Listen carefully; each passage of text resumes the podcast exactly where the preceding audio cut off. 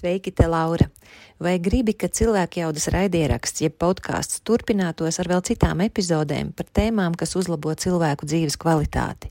Ja jā, tad lūdzu palīdzi mums atrast cilvēku jaudas auditorijai piemērotus reklāmdevējus, kuri saprota, cik vērtīga būtu viņu sadarbība ar cilvēku jaudu. Mums tā būtu iespēja sekt regulāras izmaksas, kas saistītas ar jaunu epizožu veidošanu un nodrošināšanu cilvēkiem, lai visiem bez maksas ir pieejama noderīga informācija, kas uzlabo dzīves kvalitāti un palīdz ieraudzīt jaunas iespējas un risinājumus. Ja gadījumā tu esi no reklāmas aģentūras vai tam līdzīga uzņēmuma, tad varbūt tu vari mums palīdzēt ar ieteikumiem un idejām, kā mēs varam sastapt īstos uzņēmumus, kuri būtu priecīgi par sadarbību ar cilvēku jaudu. Mēs meklējam risinājumu, kurā visi iesaistītie ir ieguvēji. Kad apkārtējie jūtas labāk, tad dzīvojam veselīgākā un atbildīgākā sabiedrībā, un jo kvalitatīvāka tad ir cilvēku dzīve. Ja tev ir praktiski risinājumi par to, ko tikko izstāstīju, mēs priecāsimies par tavu ziņu uz info at cilvēkjauda.lv ar informāciju, kā vari mums palīdzēt turpināt šo darbu par to, ko tikko lūdzu. Tas bija vakars, tur bija divi viļņi, viens pēc otra ļoti tuvu. Starp viļņiem tādi kā bedra, esmu tādā iekļuvis tādā bedrē, un tas otrs vilnis man ceļ, ceļ, ceļ ļoti stāv augšā. Un es skatos, nu, šoreiz laikam neiztaisnosies. Un es vienkārši ierauju airus iekšā laivā, es ieķeros tādīs sānu reliņos. Un tā laiva vienkārši man gāžās virsū, un es eju zem ūdens. Daudziem cilvēkiem jāsaka paldies. Lai veiktu šo galveno uzdevumu, ka kāds no labajiem savāc mani pirmais, pirms man savāc kāds sliktais. Cilvēki dažkārt grib dzirdēt kaut kādu metodi, kādas nav, bet negrib dzirdēt to, ka tu pamosties no rīta un sāc airēt. Tas ir risinājums. Nē, nē, bet ir taču uh, pieci labākie veidi, kā nokļūt pie airiem, vai pieci labākie veidi, kā pamosties, vai kādu tur citronu ūdeni vai ko. Tu pamosties un tu airē. Tas ir tas, kā tu nokļūsi tuvāk savam mērķim. Un kāda pieredze, kāda man te pieredze vienkārši, nu jā, es vienu okeānu pārējēju, otru pārējēju. Kāda pieredze vienkārši kā piekšā un malts katrs tas piedzīvojums iedevis tādu slāni, tādu pieredzi, caur kuru tu skaties uz kaut kādām nākotnes vai tiem izaicinājumiem, vai tiem, kas nu, tev ir tajā brīdī. Saka, uz šķīvja, un, un tu uz viņiem skaties jau pavisam savādāk. Bet kaut kādā ziņā, nu tā tīri metaforiski, mēs ik pa laikam airējam okeānus, un ik pa laikam mums kāds to laivu mēģina apgāzt vai šūpot, un, un kā mēs ar to varam tikt galā. Es esmu Laura Denlere. Projektā Cilvēka jauda es izjautāju zinātniekus, mediķus, sportistus, uzņēmējus un citus radošus, gudrus un drosmīgus cilvēkus. Šīs sarunas palīdz iepazīt sevi un vairot savu cilvēku jaudu. Šodien cilvēka jaudas saruna ir ar vienu ļoti stilīgu vīrieti, tāpēc, ka viņš ir pārējais pāri vairākiem okeāniem, un viņš arī ārkārtīgi labi izskatās. Un, ja tu šo sarunu klausies, bet neskaties, nu vaino sevi. un tagad viņš uz mani ir ļoti dusmīgs, ka es viņu šādi pieteicu, un es tādu pieteikumu arī atstāšu. ja tu gribi, lai es pārakstu. Derēs. Aiziet, laižam. Labi, Kārli, šī mums ar tevi ir trešā saruna. Uh, pirmā mums bija pēc Atlantijas okeāna, otrā mums bija pēc uh, pirmās daļas klusiem okeānam, tieši Covid laikā, un tagad mums ir trešā daļa. Un, es domāju, ka šādi un tad mēs atsauksimies uz dažām lietām, ko tu teici iepriekšējās sarunās, tāpēc ka man šķiet, tās ir vērtīgi atkal atcerēties. Nu, piemēram, stāsts par garderobu stantiņām ir tā vērts, lai mēs to atcerētos. Tur būs vēl kaut kādas iespējams dažas lietas. Tātad cilvēks, par kuru es runāju, ir pats Misters Kārlis Bardelis. cik ilgi tu esi uz sauszemes, cik ilgi tu esi apakaļ no Somālijas? Jā, paldies par komplimentiem.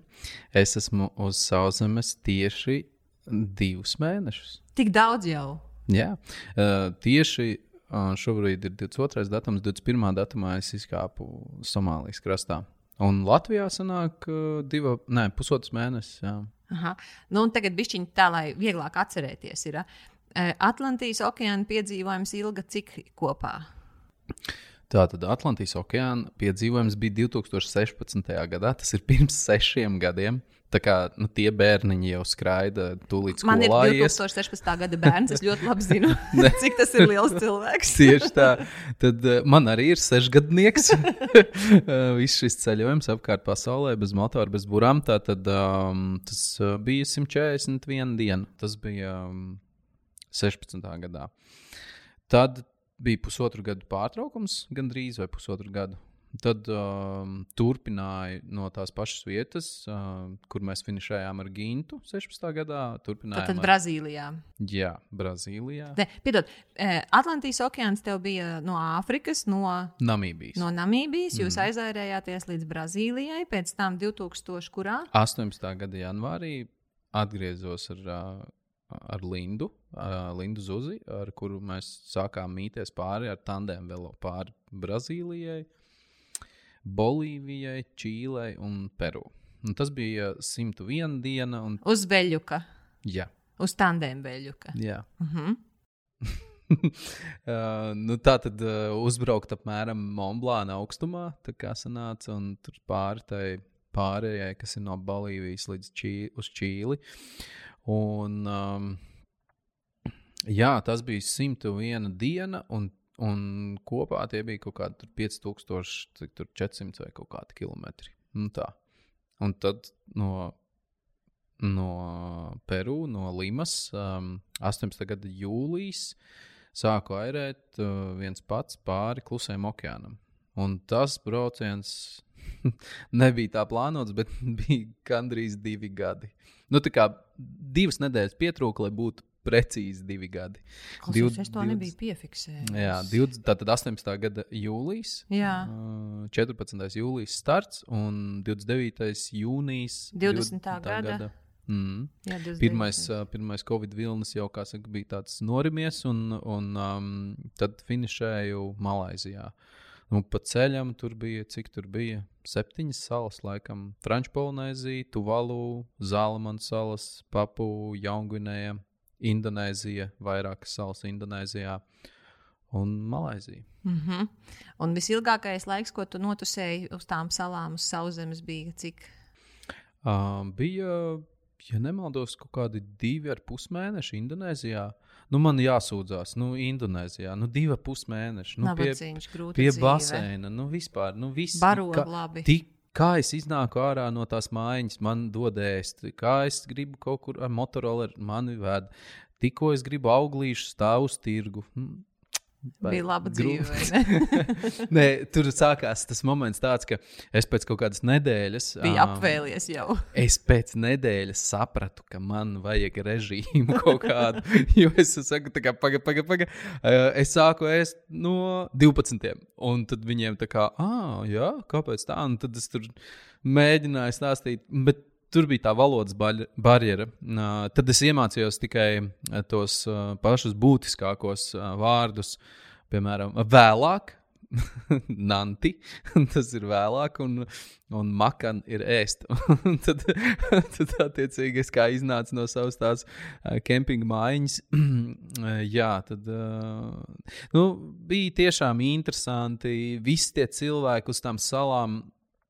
Zini, kā tu airē, un tu redz pie horizonta kaut kādu tur mazu pankūciņu. Nu, tur parādās mazs pupsiks kaut kāds. Un tu skaties, un tu nevienu tur nezini tajā salā. Tu nezini, kur tu tur dzīvosi. Vai tev būs vispār kaut kāda tur, jā, pajumta, vai tev būs uh, kā tie cilvēki pret tevi attieksies, vai ko tu Tev ēdīsi, ko neuzgrilēs gadījumā. Vai ne? Nu, labi, tas jau arī tāds urbānās leģendas šobrīd, bet um, tu neko nezini. Un tad tu tuvojies, un pēc mēneša, kad tu dodies, vai pēc pusotra mēneša dodies projām, un tev ir sajūta, ka tev tur ir palikusi ģimene. Mm -hmm. Nu, tiešām tā, bez, bez kaut kādas tur muldēšanas. Nu, tā kā tie sirsnīgi, sirsnīgi tie cilvēki tik ļoti tādi. mm, Ka arī tagad ik pa laikam raksta, Kārlis, when you're coming back? Kad tu atkal attairēsi. jā, jā, jā. Nu, tā, kā, tā kā ļoti, ļoti sirsnīgas atmiņas par, par visām tām salām, par visām tām ģimenēm, kuras man uzņēma. Iedomājieties, nu, tagad klausītāji, skatītāji, tagad, uh, kur jūs dzīvojat. Un iedomājieties, ka tagad atnāk Labi, es šodien esmu nos, Jā, šodien tas skaisti, kā es teicu. Varbūt tās šodien mani kāds ielaistu pie tāds, sevis tāds mājās. smirdīgs Bet tāds no smirdīgs, bārda, šitāda, nu, ne, nošmulēts tēkrakls, kaut kāds viss. Mati arī izauguši, nu, vienkārši nu, bombas, nu, reāls ekspedīcija bombas. Un, un viņi saka, jā, tu welcome." pie mums ir very Smerdelis kā vīna. Un, un vienkārši, un kā tur ir leduskapis mierīgi, kā, ko tu gribi, ko vien vēlies, un cik tu ilgi gribi, tik paliec. Un mēs esam priecīgi, ka mēs tev to varam uzņemt. No tā, un tagad iedomājieties, vai jūs uzņemtu Nē. tādu mājās? būtu galvenais iemesls. Jā, nu redz, kā. Redz kā. Nu, re, nu, labi, tur ir savs iemesls. No tās salas baigi ātri nevar aizmukt, ja tu kaut ko nozodzi. jā. À, tad, tad, es, tad es jau justos ļoti nu, stipri drošāk. Un vēl, ja es būtu nogarlaikojusies, es būtu laimīga, ka tu esi tāds attīries. Es noteikti gribētu, lai tu ietu sevi mums. Jā, nu, tāpēc uh, tiešām tā sajūta, ka tu airē projām un tev tur ir kaut kāda sa, mm, specifiska, bet tāda ģimeniska sajūta, tāda, ka tu airē projām un tur tie, tie ir draugi. Tu varēsi jebkad dzīvē tur atgriezties un, un viņi tur. Super. Jā. Cik tev līgavas tur ir palikušas? Nu, te mēs Nē, tev liekas. tiešām nemēģināja nevienu izprecināt. Ah, tur bija tā, tad, um, tā tad vispār pie kā es dzīvoju Indonēzijā. Es dzīvoju, tas viss bija ar uh, Latvijas godu konsula gādību. Viņš ir indonēzietis, viņam draugs, kuram ir šis kurorts. Tas kempings, viesunams, viesu teritorija. Um, viņš, kā saka, uzņēma, jo viņam piezvanīja Latvijas godu konsuls un teica, hei, man ir te tāds latvietis, kas ir pieairējis divus kilometrus no tās vietas, kur tev ir tas uh, resort. Un, uh, un es. Um, Es, ļo, es tiešām sapazinos ar to viņa ģimeni, uh, un, un tā sieva, Kārlis, you can stay. We will find a wife for you. Don't worry. Nē, tas bija nopietni. nopietni. Jā, viņa, viņa bija pilnīgi. Viņa saka, vienalga, nu, tur mēnesis, divs, trīs. Nu, cik tu gribi vienkārši. Vai vari vispār palikt? Kā, kur tev? Sieva tā būs, jā, jā, mēs, mēs tev atradīsim. Mēs tev atradīsim ļoti jauku meiteni. Un, um, bet, nu. Kaut kā man tas okeāns baigi tur uh, vilināja. Un Tāds piedāvājums bija. Bija piedāvājums palikt Franču Polinēzijā. Mm, tur bija uh, tas zemes īpašnieks, pie kā es dzīvoju uz laiku. Uh, un mūsu tā vienošanās bija tāda, ka es viņam palīdzu mājas darbos, tur teritorijā. Mēs tur strādājām, kaut ko tīrījām, tur nezinu, džungļus kaut kādus ar mačeti un, un tādā garā. Un viņš bija ļoti pārsteigts, cik, uh, cik tas, cik tas bārdainais. Māk darīt lietas. Strādīgs. Ja. Jā. nu, kā es, es gribēju nu, kaut kā Atpelnīt. Kaut kā atpelnīt, kaut kā atdarīt viņam labi. Un, un viņš teica, nu jā, varbūt tās man te daudz visādas zemes ir gabali te uz tās salas. Nu, tā kā padomā, es tev varētu kaut ko Saorganizēt. piešķirt kaut kā. Vai, nu, tā kā nu, tiešām, tiešām. eh, Un, un šobrīd um, es, es domāju. Ka tas varbūt nemaz nav nu, tik neiespējami. Uh, klausoties, uh, piemēram, The Future is Faster Than You Think, uh, Pītera Diamandis grāmatu, uh, uh, kurā, kurā par dažādām, dažādām tehnoloģijām un, un attīstību šajā um, publiskās runas uzstāšanās lekcijās, kā, kā tas varētu attīstīties nākotnē, es pilnīgi noteikti redzu kaut ko tam līdzīgu. Tā kā man tur ļoti patika. Es iespējams varētu tur uh, doties, uz kādu laiku padzīvot. Bet man ļoti patīk arī Latvijā. Man patīk te atgriezties, man patīk šis brīnišķīgais Latvijas sūnu zaļais. Sūna zaļā krāsa, zāles zaļā krāsa. Uh, nu, tas, ko var šeit dabūt, uh, kas ir tāda Eiropas privilēģija, koncerti, teātri, un, un tā, nu, to tu tādās saliņās nedabūsi. Mm -hmm. Tātad. Divi, gandrīz divi gadi bez divām nedēļām bija otrais piedzīvojums. Noslēdzās 20. gada vasarā, un tad, tu, protams, pateicoties Covidam, tā normāli iestrēgi. Cik tu ilgi biji iestrēdzis? Jā, es biju domājis, ka būs daži mēneši, bet iestrēgu uz, uz gadu, un gan arī pusotru gadu. Jā, Gan arī pusotru gadu. grūta dzīve. Nu, Katram savi izaicinājumi. Es, es, Tā ir grūta dzīve. Es tiešām tev jūtu līdzi. Jo es uh, no vienas puses galīgi nevaru sūdzēties. Ne man bērni, kuriem skolā uz galvas, ne jā. man uh, dzīves biedra, kur uh, arī attālināti strādā vienā dzīvoklī. Kā, Ne tev piemēram, kredīts, par kuru jāuztraucās. Nu, man tur citi parādi par, par manām ekspedīcijām man bija. Bet, um, jā, tā kā nu, nebūtu it kā par ko sūdzēties, bet es vienā brīdī, godu vārds, es sāku justies fiziski slikti. Un es domāju, kāpēc tas tā ir. Um, Un, un, un es uh, sāku vairāk kaut kā rakties, uh, kas, kas rada šo sajūtu. Un, uh, man tā, tāda tūzna smadzenēs bija uzbērzusies no tā, ka es atrodos visu laiku vienā geogrāfiskā lokācijā, un es nepietuvojos ne pa pieciem metriem savam mērķim. Un mērķis ir noslēgt to apkārt pasaulē, vai ne? Jā, mērķis ir šobrīd tas aktuālais, ir uh, veikt ceļu apkārt pasaulē bez motora, bez burām, tur, kur es sāku 16. gadā. Un, un tas bija- Namībijā. Jā, tieši tā, Namībijā. Un es izjūtu dzīvi, ka viņa patiesi notiek tad, kad es tuvojos savam mērķim, ka es kaut vai pa pieciem metriem viņam tuvojos. Un, un, uh, tā bija tāda sajūta, jā. Um, Es, es, nu, es sapratu, ka var Malaisijā tikt tiem, kam ir Malaisijas pases. Un es domāju, kā es varētu kļūt par Malaisijas pilsoni. Es, es pateikšu reiz divus teikumus, lai nebūtu kaut kāds seksisms, ja? jo es sāku googlēt Marrying Malaysian Woman online. Vai marrying Malaysian man online. Tā kā jebko, kas Tad vienkārši. tu biji man- gatavs apprecēt kādu malaizieti, nav svarīgi, kura dzimuma. Jā. Nu, uh, Turklāt online versijā, vai tev pasta arī atsūta online. tā kā man uh, nu, bija. Tu bija atradi iespējas, es atvainojos. Tas izrādās, nu, nav tik viegli. tāpēc, tāpēc es nekļuvu ne par Malaizieti. malaizieti. Nekā. Es uh, tomēr gāju citu ceļu un um, pateicoties uh, arī ārlietu ministram uh, Rinkēvičkungam un, un um, valsts sekretāram um, Andrim Pelšam, kuri, kuri uh, palīdzēja ar dokumentiem, kas man bija nepieciešami, lai es iegūtu tādu kā nu, savā ziņā ārkārtas iebraukšanas atļauju, nu, tādu savādāku iebraukšanas atļauju. Un, um, nokļūstot atpakaļ Malaisijā, es ieraudzīju, kas tur ir ar to laivu vispār noticies pa to laiku. Uh, tas nebija forši, jo vienošanās bija tāda, ka tā laiva būs zem jumta, un viņa nebija zem jumta, un tie visi tropiskie lieti, tur bija ūdens laivā, tur bija, nu, tā laiva bija tā kā pabojāta. Un, un, uh, bet, um, nu, šī, šis uzņēmums, kurš bija apņēmies to uzglabāšanu, viņi, viņi piemēram, Viņi nezināja, nu, nevis nezināja, viņi bija tik nolaidīgi, ka viņi vienkārši izdomāja to laivu izvilkt no tā angāra un, un, un glabāt ārā. Bet tad uh, viņi apņēmās viņu saremontēt.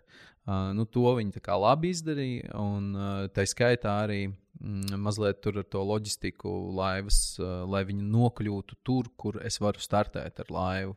Tas nebija tā uzreiz no tās pašas vietas, kuras finišēja. Jo bija taču Covid vēl, jā. Tāpēc mm, ir citi. Nē, iemesli. tur bija uh, laika apstākļu dēļ, uh, Aha. jo Malakas šaurumā man sanāca pretvērš. Uh, tas ir starp Sumatru un Malaisijas pussalu. Un, um, tāpēc uh, man vajadzēja pabraukt vēl ar Ričuku 850 km. Man bija ļoti maz laika tam. tas sanāca piecās dienās, un tad uh, laivu nogādāt uz to mm, vietu, kuras aizbraucu ar riteni. Kuala Perlis saucās tā vieta, un no tās 30. decembrī kā saka, jaunā gada priekšvakarā arī, arī sāku uh, airēt. Un Es tas sāku- piedzīvojums, kopējais laiks bija līdz, samā, līdz, līdz atkal bija atpakaļ Latvijā. Nu, sanāk pusgads, jā. Sanāk pusgads. Klau, uh, es zinu, ka tu esi iekūlies visādos piedzīvojumos. Par dažiem es tev vēl šeit varbūt kaut ko uzjautāšu. Bet uh, tajos trijos, kas ir saistīti ar to mērķa realizēšanu bez motora transporta un uh, vienkārši apceļot apkārt pasaulē, ar cilvēku darbināmo spēku, cik reizes tev pašam šķiet, tu biji ļoti lielās briesmās? Mums Atlantijas okeānā bija ļoti nopietnas veselības problēmas dēļ tā, ka Mums bija tātad, nu, šī pamatīgā fiziskā slodze, nepārāk kvalitatīvs dzeramais ūdens, daudz cukurs uzturā, nu, visos tajos batoniņos, kas mums bija līdzi. Mm, plus vēl tas, ka miegs ir divas stundas, jo mēs mainījāmies ik pa divām stundām, un tās divas stundas nav tas laiks, kurā tu vari atjaunoties, atpūsties tā, kā organismam būtu jāatpūšas un jāatjaunojas. Lūk, un viss tas radīja tādu baigo kokteili, uh, un, un tas, tas nāca ārā tādā augoņu veidā, un mums bija baigie, baigie augoņi. Strutaini. Viss vienkārši pēcpusē vienos, vienos augoņos, un tā, ka nevar apsēsties. Tad uh, mēs sākām dzert antibiotikas. Uh, Uh, viens antibiotika kurs, tas, tad, tad tie augoņi pierims, tad, tad tu sāc airēt atkal, pēc nedēļas atpakaļ viņi ir. Un tad tu otru antibiotika kursu izdzer. Un, un šādi te mēs nonākam jau līdz trešajam kursam, kas saprotams, ka tu kā, šis nav ilgtermiņā. Nu, tāds risinājums mums nederēs. Un, un tie ārsti, ar kuriem mēs tur sazvanījāmies ar satelīta telefonu starpniecību, arī teica, nu, ķaļi, šis ir pārāk nopietni, jums vajadzētu vispār domāt par evakuāciju. Un mēs tam brīdī esam ar Gintu noērējuši kaut kādu vienu trešdaļu nu, no Atlantijas okeāna. Un, protams, ka nu, kāda evakuācija mums nav domas par evakuāciju, mums domas kā kādā veidā turpināt. Kaut kā to var izdarīt. Un tad mēs domājam, kā to var izdarīt. Kaut kādā rītā es nu, tiešām pa jokam, pa pusē, pa jokam, pa pusi nopietni. Es saku, Gintam, es tagad piecelšos kājās, stāvus. Ja jūs nevarat apsēsties, es stāvēšu kājās un airēšu. Un, nu, tas moments ir tāds, ka nu, tā laiva tur, tur žvangājās, šūpojās, un tur nu, kāda airēšana stāvs kājās. Un, kā jebkurš, kas air, laivā vispār bijis savā dzīvē, sapratīs, ka, nu, džeki, kaut kāda baigta naivā ideja jums ir bijusi. Bet tā tehnika, ko mēs sākām apgūt, soli pa solim, divi metrus priekšu, viens atpakaļ.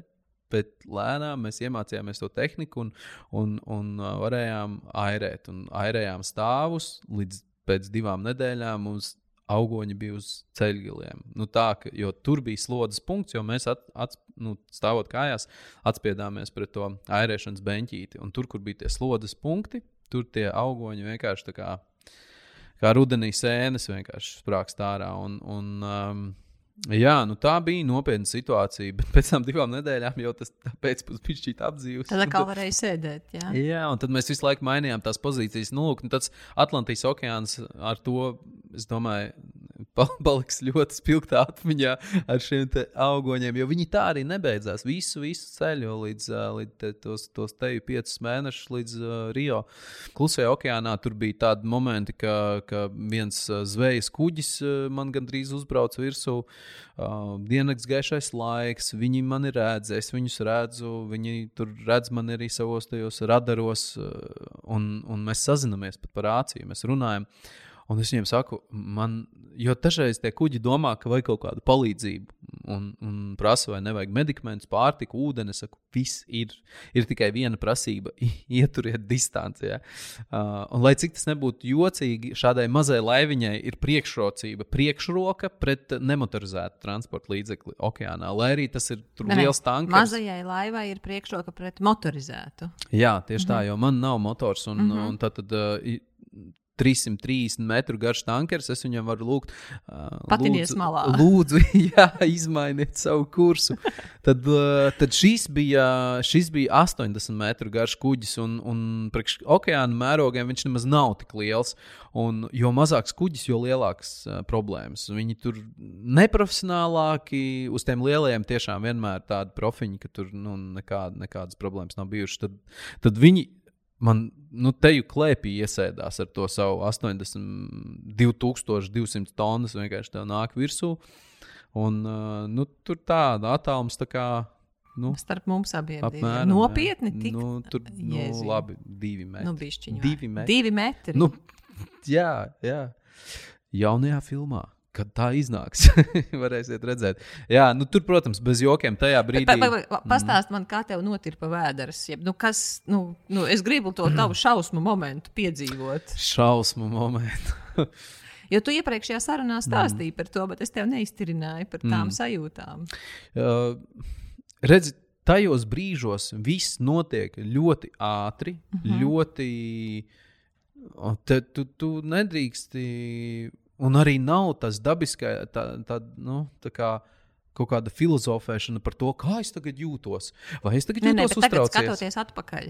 Es varu atsaukt atmiņā tikai to, ka tas bija tā ļoti uzreiz praktiski. Nu, tur kliegt, pievērst uzmanību, tinaties malā, tur, hei, ko jūs darat? Nu, kaut kas tam līdzīgs, nu, kas ir tīri tāds uh, iz, izsaukšanās. Un Vienkārši tu, tu saproti, ka tev ir kaut kā jāsignalizē, nu, kā lai viņi saprot, ka. Bet tas jau prasīja kaut kādu laiku no tā Jā. brīža, kad viņš tev nāk virsū.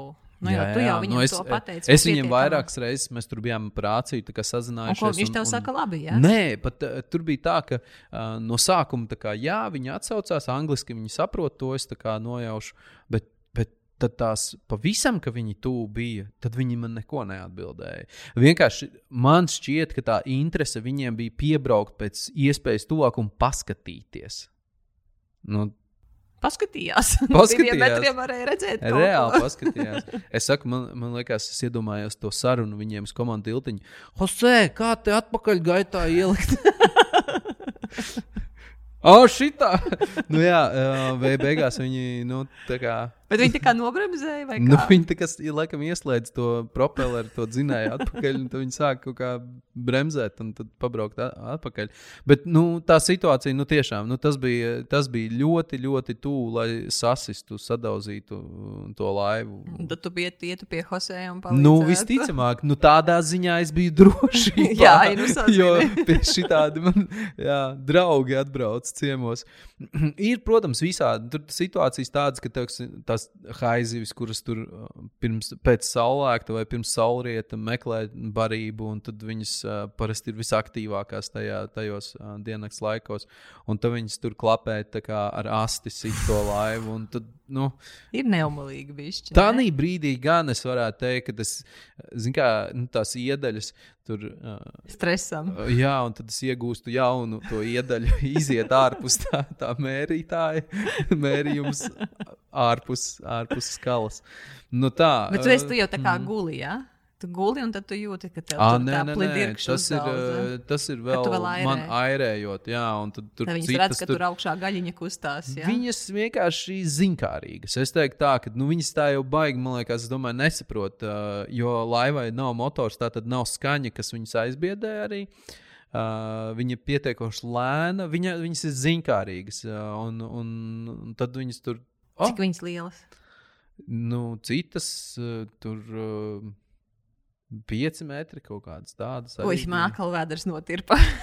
Citas atkal īsākas, tur maziņās, tur haizi tādas metrīgās, pusotras. nu, bet, tā piecmetrīgā pieklauvē tev pie.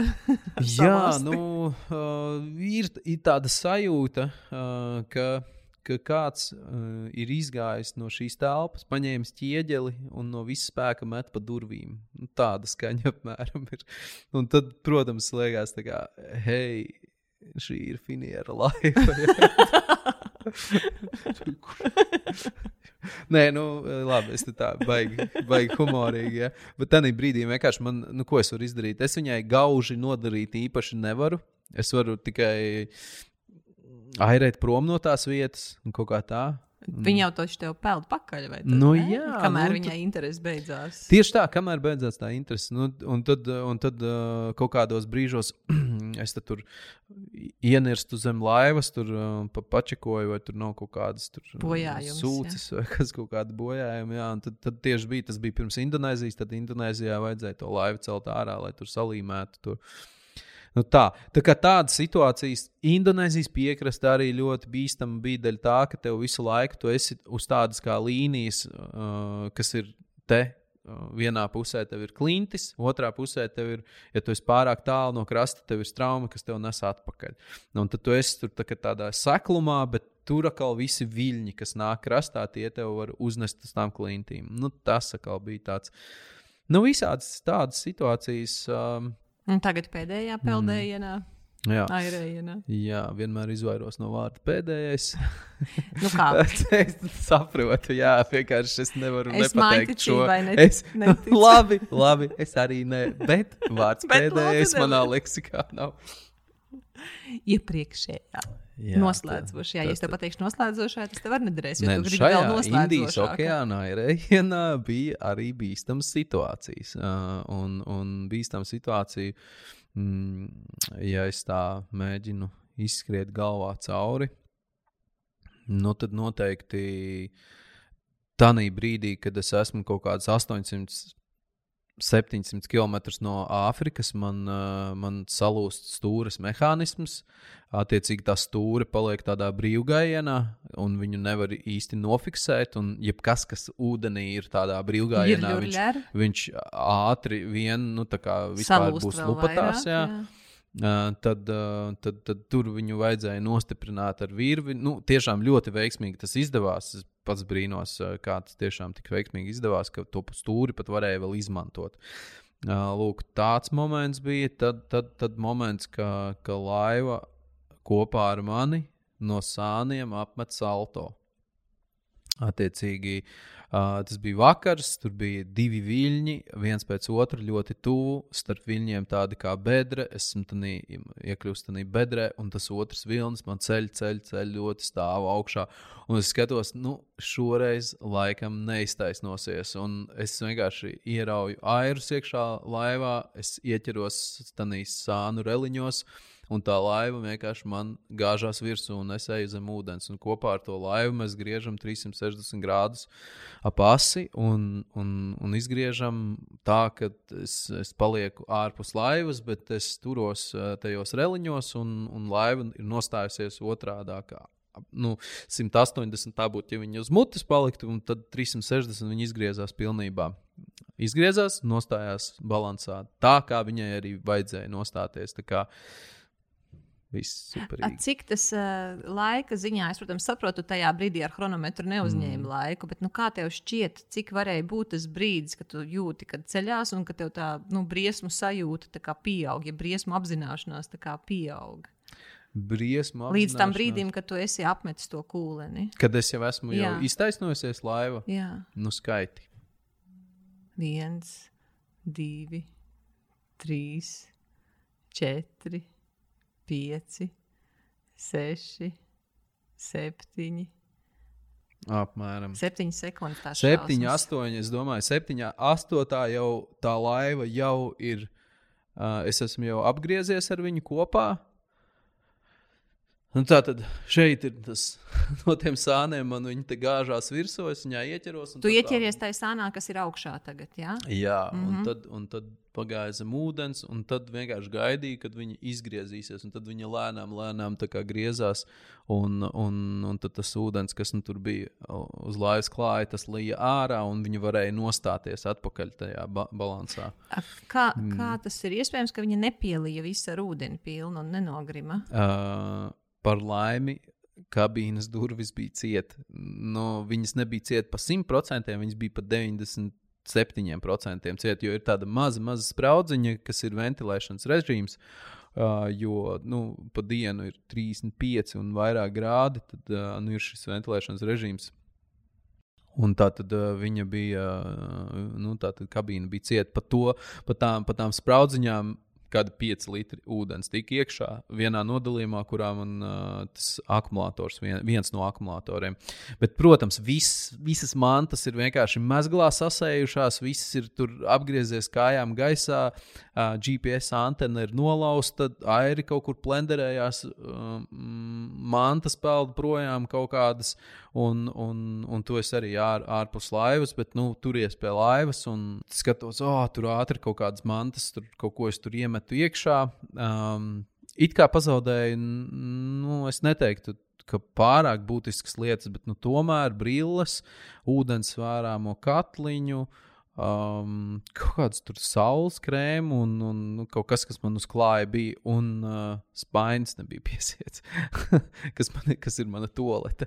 Lūk, uh, kā, bet es teiktu, ļoti, ļoti veiksmīgs apgrieziens bez, bez no nu, tādiem būtiskiem bojājumiem, kas varēja, kas varēja būt, ja būtu GPS sabojājies, ja būtu saules paneļi sabojājušies, ja būtu ūdens atcēļotājs sabojājies. Nu, tās jau ir daudz būtiskākas lietas. Tā kā tās ātri es tur pārbaudīju, viss, tā kā ok. To antenu arī uzsprādu atpakaļ, un tur iztīrīja visu to kabīnu no, no mitruma, no ūdens, kas tur bija kaut kur, kaut kādos tajos elektronikas, tajos mazglos arī ticis iekšā. Kā, bet tiešām, nu, ja nu veiksmīgi, tad tad šis nu, tiešām bija veiksmīgi. Tev nebija bail, ka varētu vēl tādi viļņi gadīties, jo līdz tam tu to nebiji piedzīvojis. Tad... Es nebiju piedzīvojis šādu te salto ar sānisko ar laivu. Uh, vispār nu, nevienā no šiem okeāniem ir bijušas ļoti dažādas tās bīstamas tās situācijas, kad nu, teju, teju, tūlīt, tūlīt. Bet tā, ka tiešām met riņķī. Nu, tā nebija bijis. Jo es vienmēr to laivu arī esmu pārkrāvis. Viņa ir daudz, sta nu, ļoti stabila. Nu, tāpēc es arī tajā laivā jūtos droši. Šeit moments ir sekojošs. Tātad, nu, ja mēs tagad tā mēģināsim tagad uzzīmēt jums, jums karti, tad es, es airēju šajā virzienā. Un, tātad, un nāk vējš no sāniem. Un, un tad, kad es airēju, man tā laiva ir ļoti parale, uh, perpendikulāri tam vilnim, nu ļoti sānā. Tad, ja es neairēju naktī guļu, tad viņš to, tad viņš to laivu bišķīt pagriež tādās, uh, nu, tādās slīpākā leņķī. Viņš nav tik um, perpendikulārs tam vilnim. Un, un, un tad naktī visticamāk mani neapgāstu. Bet tas bija vēl brīdī, kamēr es airēju. Bija jau vakars, jau astoņi. Jau, nu, es tur vēl kaut kādu stundu būtu airējis maksimums. Tā, tā, kā, tā kā es domāju, naktī ir citreiz bijis tā naktī, ka, ka es kā kaut kā pamostoties, mazliet dzirdu, ka tāds pa to kabīni tā uzbliež un visas mantas tā. Nu, to kabīni tā paceļ tā, nu, mazliet sāniski, un, un te uzgāžās tās mantas, kas tur ir kabīnē kaut kādas tur tad, tad un pēc tam atpakaļ nokrīt, viss, un viss ir kārtībā. Um, nu tā, bet es tiešām jūtos droši. Tad, laivā kaut vārds, uh, man, man ir tāda sajūta, ka tā ir tāda drošības saliņa vismaz priekš manis. Nu, tā bija tāda. Es, es vienkārši mēģināju ilustrēt tos, tos apstākļus, kādi tur bija. Nu, tad varat paši domāt, cik nu, tuvu vai tālu tu tur esi tajā Man brīdī. Liekas, tā ir ļoti bīstama situācija. Es arī abrīnoju tevi, mm. ka tu varēji tik ātri noreaģēt un samest mm. tos airus laivā iekšā. Nu jā, bet tur jau tā lieta, ka, ka tas ir.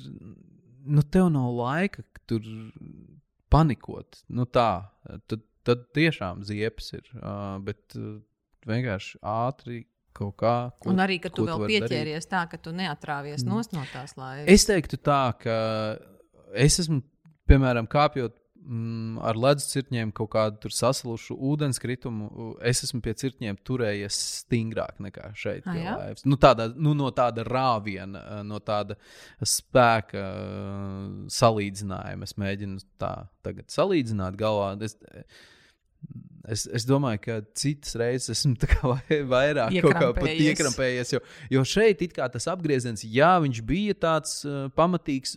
Un tur tā lieta, ka pat īstenībā labi, jo tas vilnis iedodot to inerci tam griezienam, viņš palīdzēja tai laivai atgriezties sākotnējā stāvoklī. Kā, es, es kaut kā atbraucu atpakaļ, tur ar čomiem satikos, nu, kas atbrauc ciemos tur uz spirti mājās. Tā, kā, nu, es tagad izstāstu, kā, kā, kā tas viss notikās.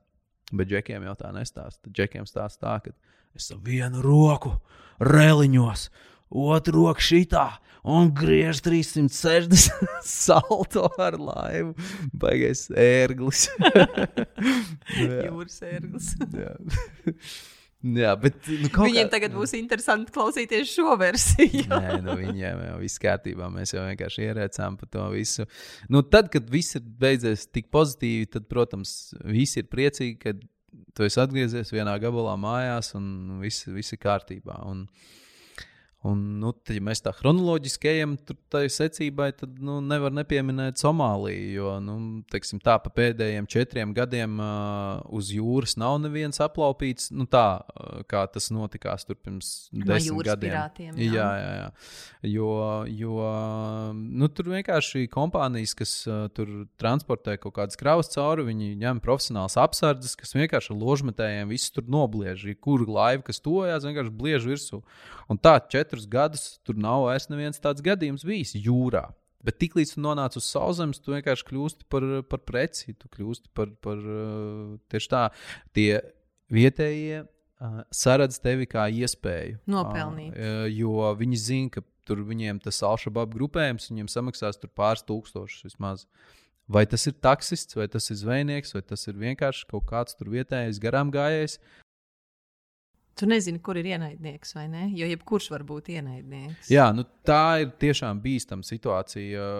Un, un nevienam nenovēlu nokļūt Somālijā. Arī man tas nebija mērķis, arī es nebiju tā plānojis. Goda vārds, lai arī citi cilvēki tiešām domā, ka nu, pilnīgi tā kā kuku.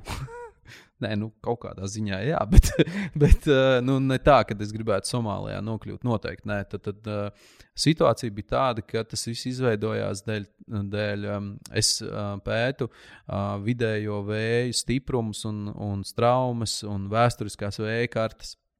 Un tad es lieku to maršrutu kopā, vai varēs tur izērēt, vai nevarēs izērēt, un kā. Uh, Un tad uh, tam, tam vidējam uh, vēja stiprumam bija jābūt uh, 15 līdz 18 mezgli. Un pat vienalga, vai kāds tagad saprot, cik ir mezgli vai kas. Es varēju nosaukt arī 15 vai 18 pupsiki. Ja? Jā. Uh, tā tad, uh, Tādam piec... tam ciparam ir jābūt. Viega, jā, un viņš ir 25 līdz 30. Tātad krietni spēcīgāks. Nu, te jau divas reizes. Jā. Jā, un, un, un tas, un tas paredzēja to, ka man pūta, pūta, pūta, pūta augšā uz ziemeļiem. Kā, nu, attiecīgi, es ne, nevarēju finišēt uh, Tanzānijā, kā bija iecerēts. Tad ir Tanzānija, Kenija un Somālija. Un, un uh, ar domu, ka, ja nu es netrāpīšu Tanzānijā, nu man vēl ir tā Kenija, kā tāds drošības spilvens. Uh, Nu, šī gadījumā ar to nepietika. Un, un, um, tur galvenais tāds humors, tā maršrutā tik labi redz, tātad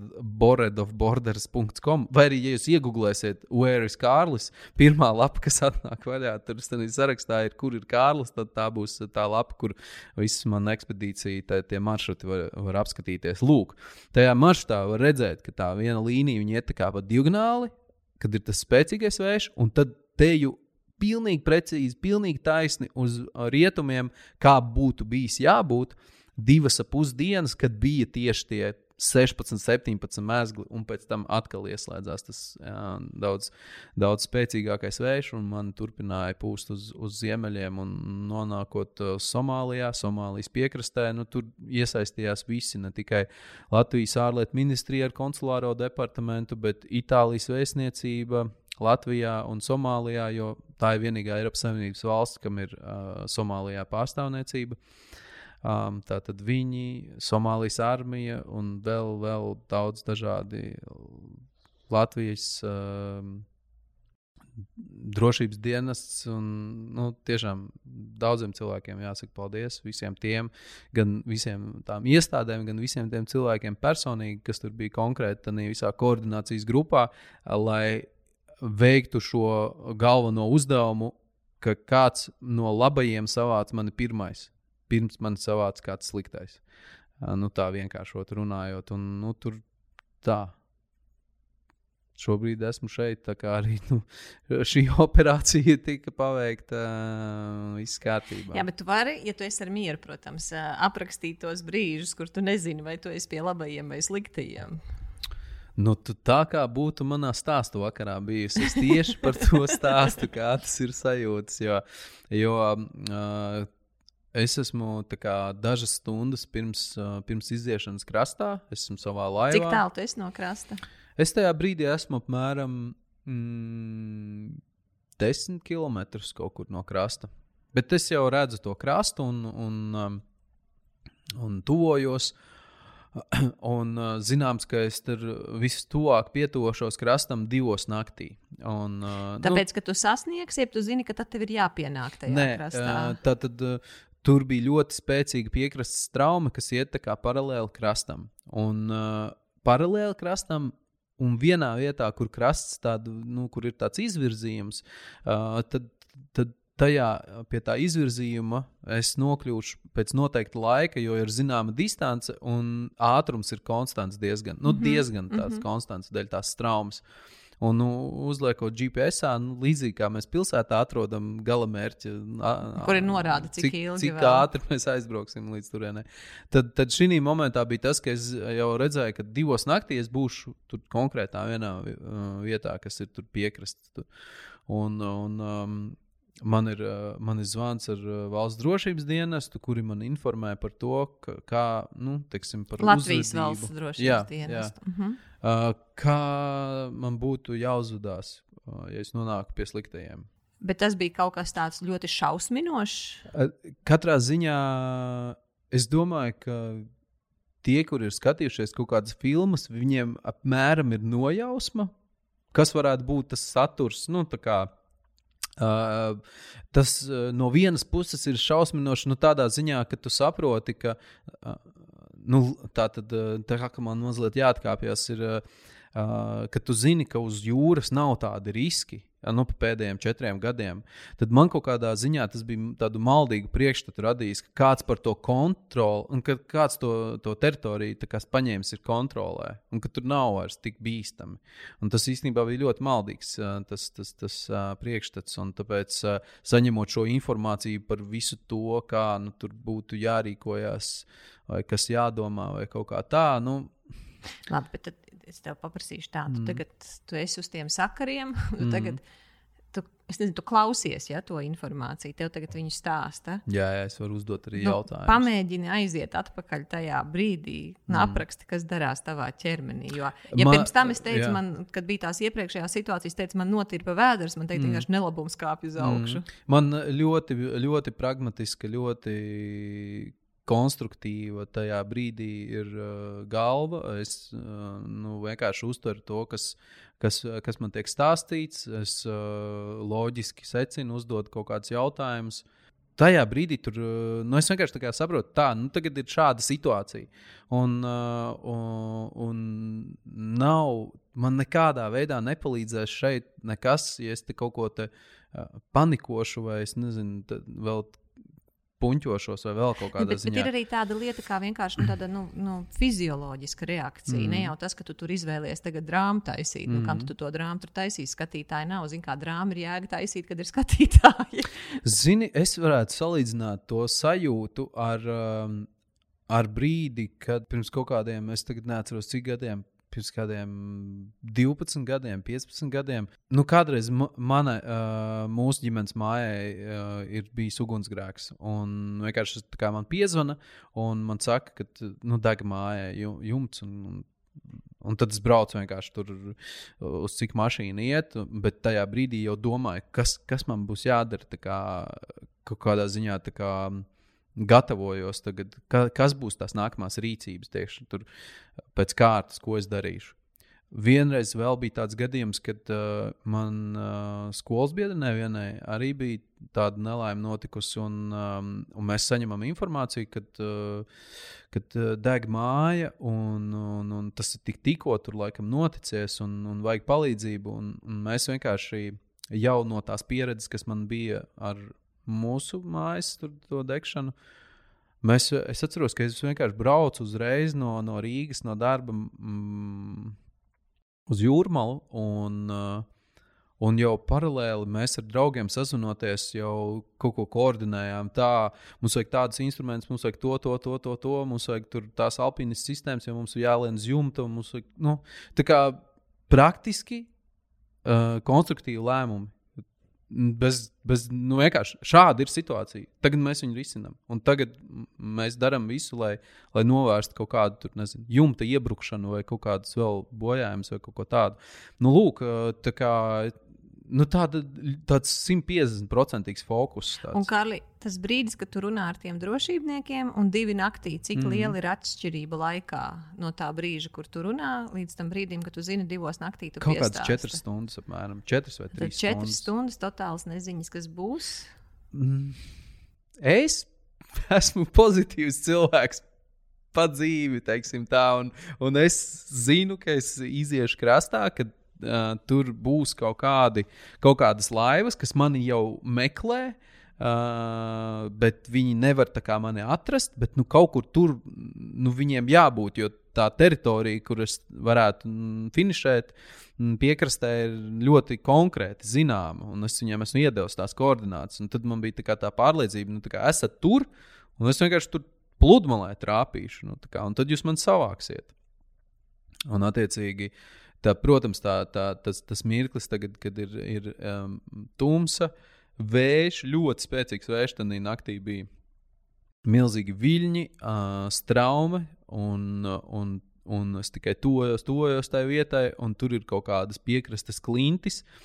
Un līdz pēdējiem brīdim man ir jābūt izslēgtām visām gaismiņām uz laivas, lai kaut kas tur neredz un kaut ko ne, ne, pārāk ātri mani neierauga kāds Bet cits. Ko tu redzi? Ir kaut kāds mēnesis? Es redzu, nu, kā piekrastē jau teiksim, tā ir apdzīvota vieta, tur kaut kādas lampiņas ir. Ne navigācijas gaismas, bet vienkārši kaut mm -hmm, kādas mm -hmm. gaismas. Tad tu orientējies pēc tām gaismām. Es vienkārši skatos, es redzu to virzienu, es redzu, ka kā, pēc GPS man ir nolikts tas kurs un ka es eju pa, pa to līniju mm -hmm. daudz maz taisni.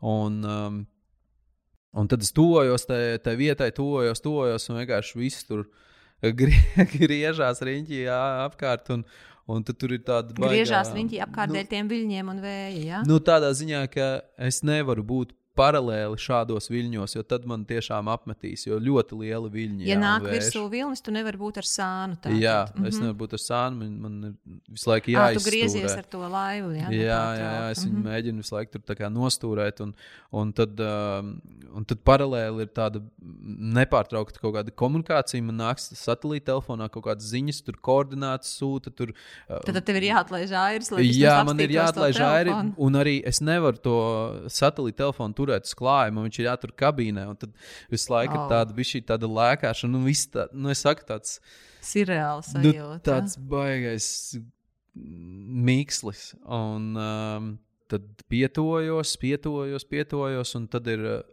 tagad šauju raķeti. Lai viņi tā kā tālu ir no krasta? Tagad? Nav pavisam, tuvu, nezinu, divi kilometri no krasta. Pavisam tuvu, man liekas, 200 metri. Tāpēc es jau tādu nē, nu, okay. nu, tad tie divi kilometri, tas ir nu, tiešām ļoti, ļoti, jā, tur tajā jā. vietā ļoti tuvu un arī bīstam, jo tur ir tāds, tur ir tāds, tās klintis tādā piekrastē. Aha.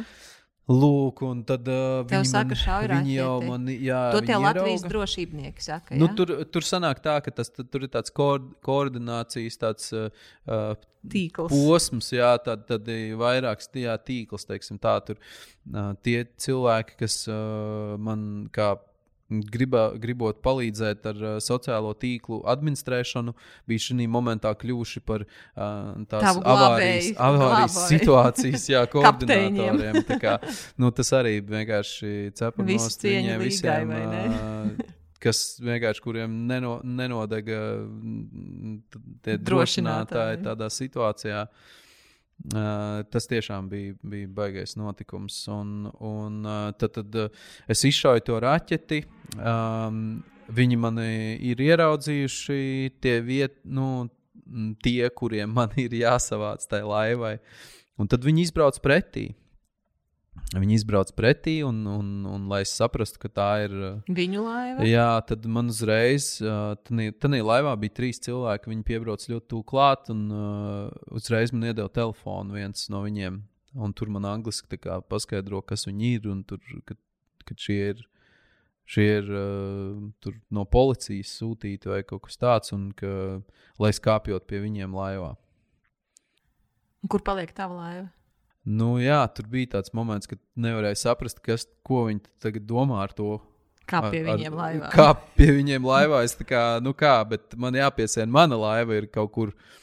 Un tad, uh, un tad tajā brīdī viņi saka, nē, nē, nu mēs tā kā par to nu, parūpēsimies. Es saku, ko jūs gribat, lai es vienkārši atstāju laivu, te tūlīt uz klintīm sašķēdīt viņu. Uh, un, un es vienkārši, un tad viens no tiem somāļiem pārkāpa pie manas laivā.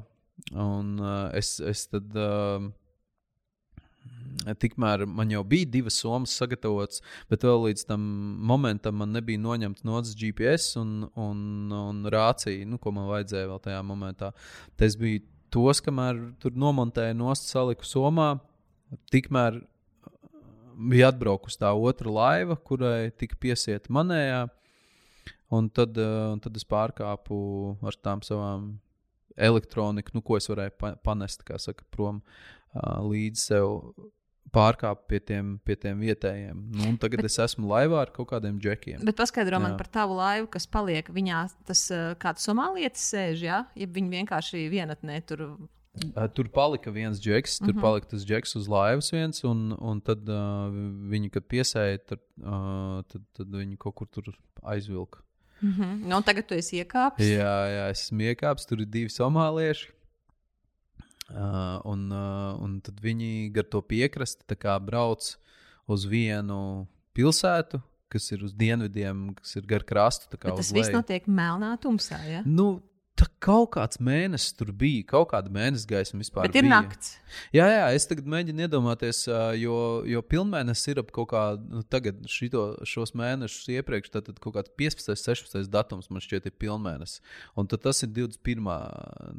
Tā tad 21. Nav. Tad vēl ir tas mēnesis. Mēnesis jā. vēl ir uh, kaut kāda gaisma. Un uh, mēs braucam tagad pret tiem viļņiem mēs braucam, nedomājieties, ar laivu. Nu, ja kāds ir braucis tur ar motorlaivu vai kā, nu, zina, kā ir pret vilni braukt. Tad ļoti stāv. Mm. Un tas vilnis vienkārši viņš, tā, viņš to laivu met uz augšu, un, un mm -hmm. uz katras tās muguras viņš vienkārši taisa tādus belzienus. Nu, tā, ka liekas, ka viņi to laivu grib iznīcināt.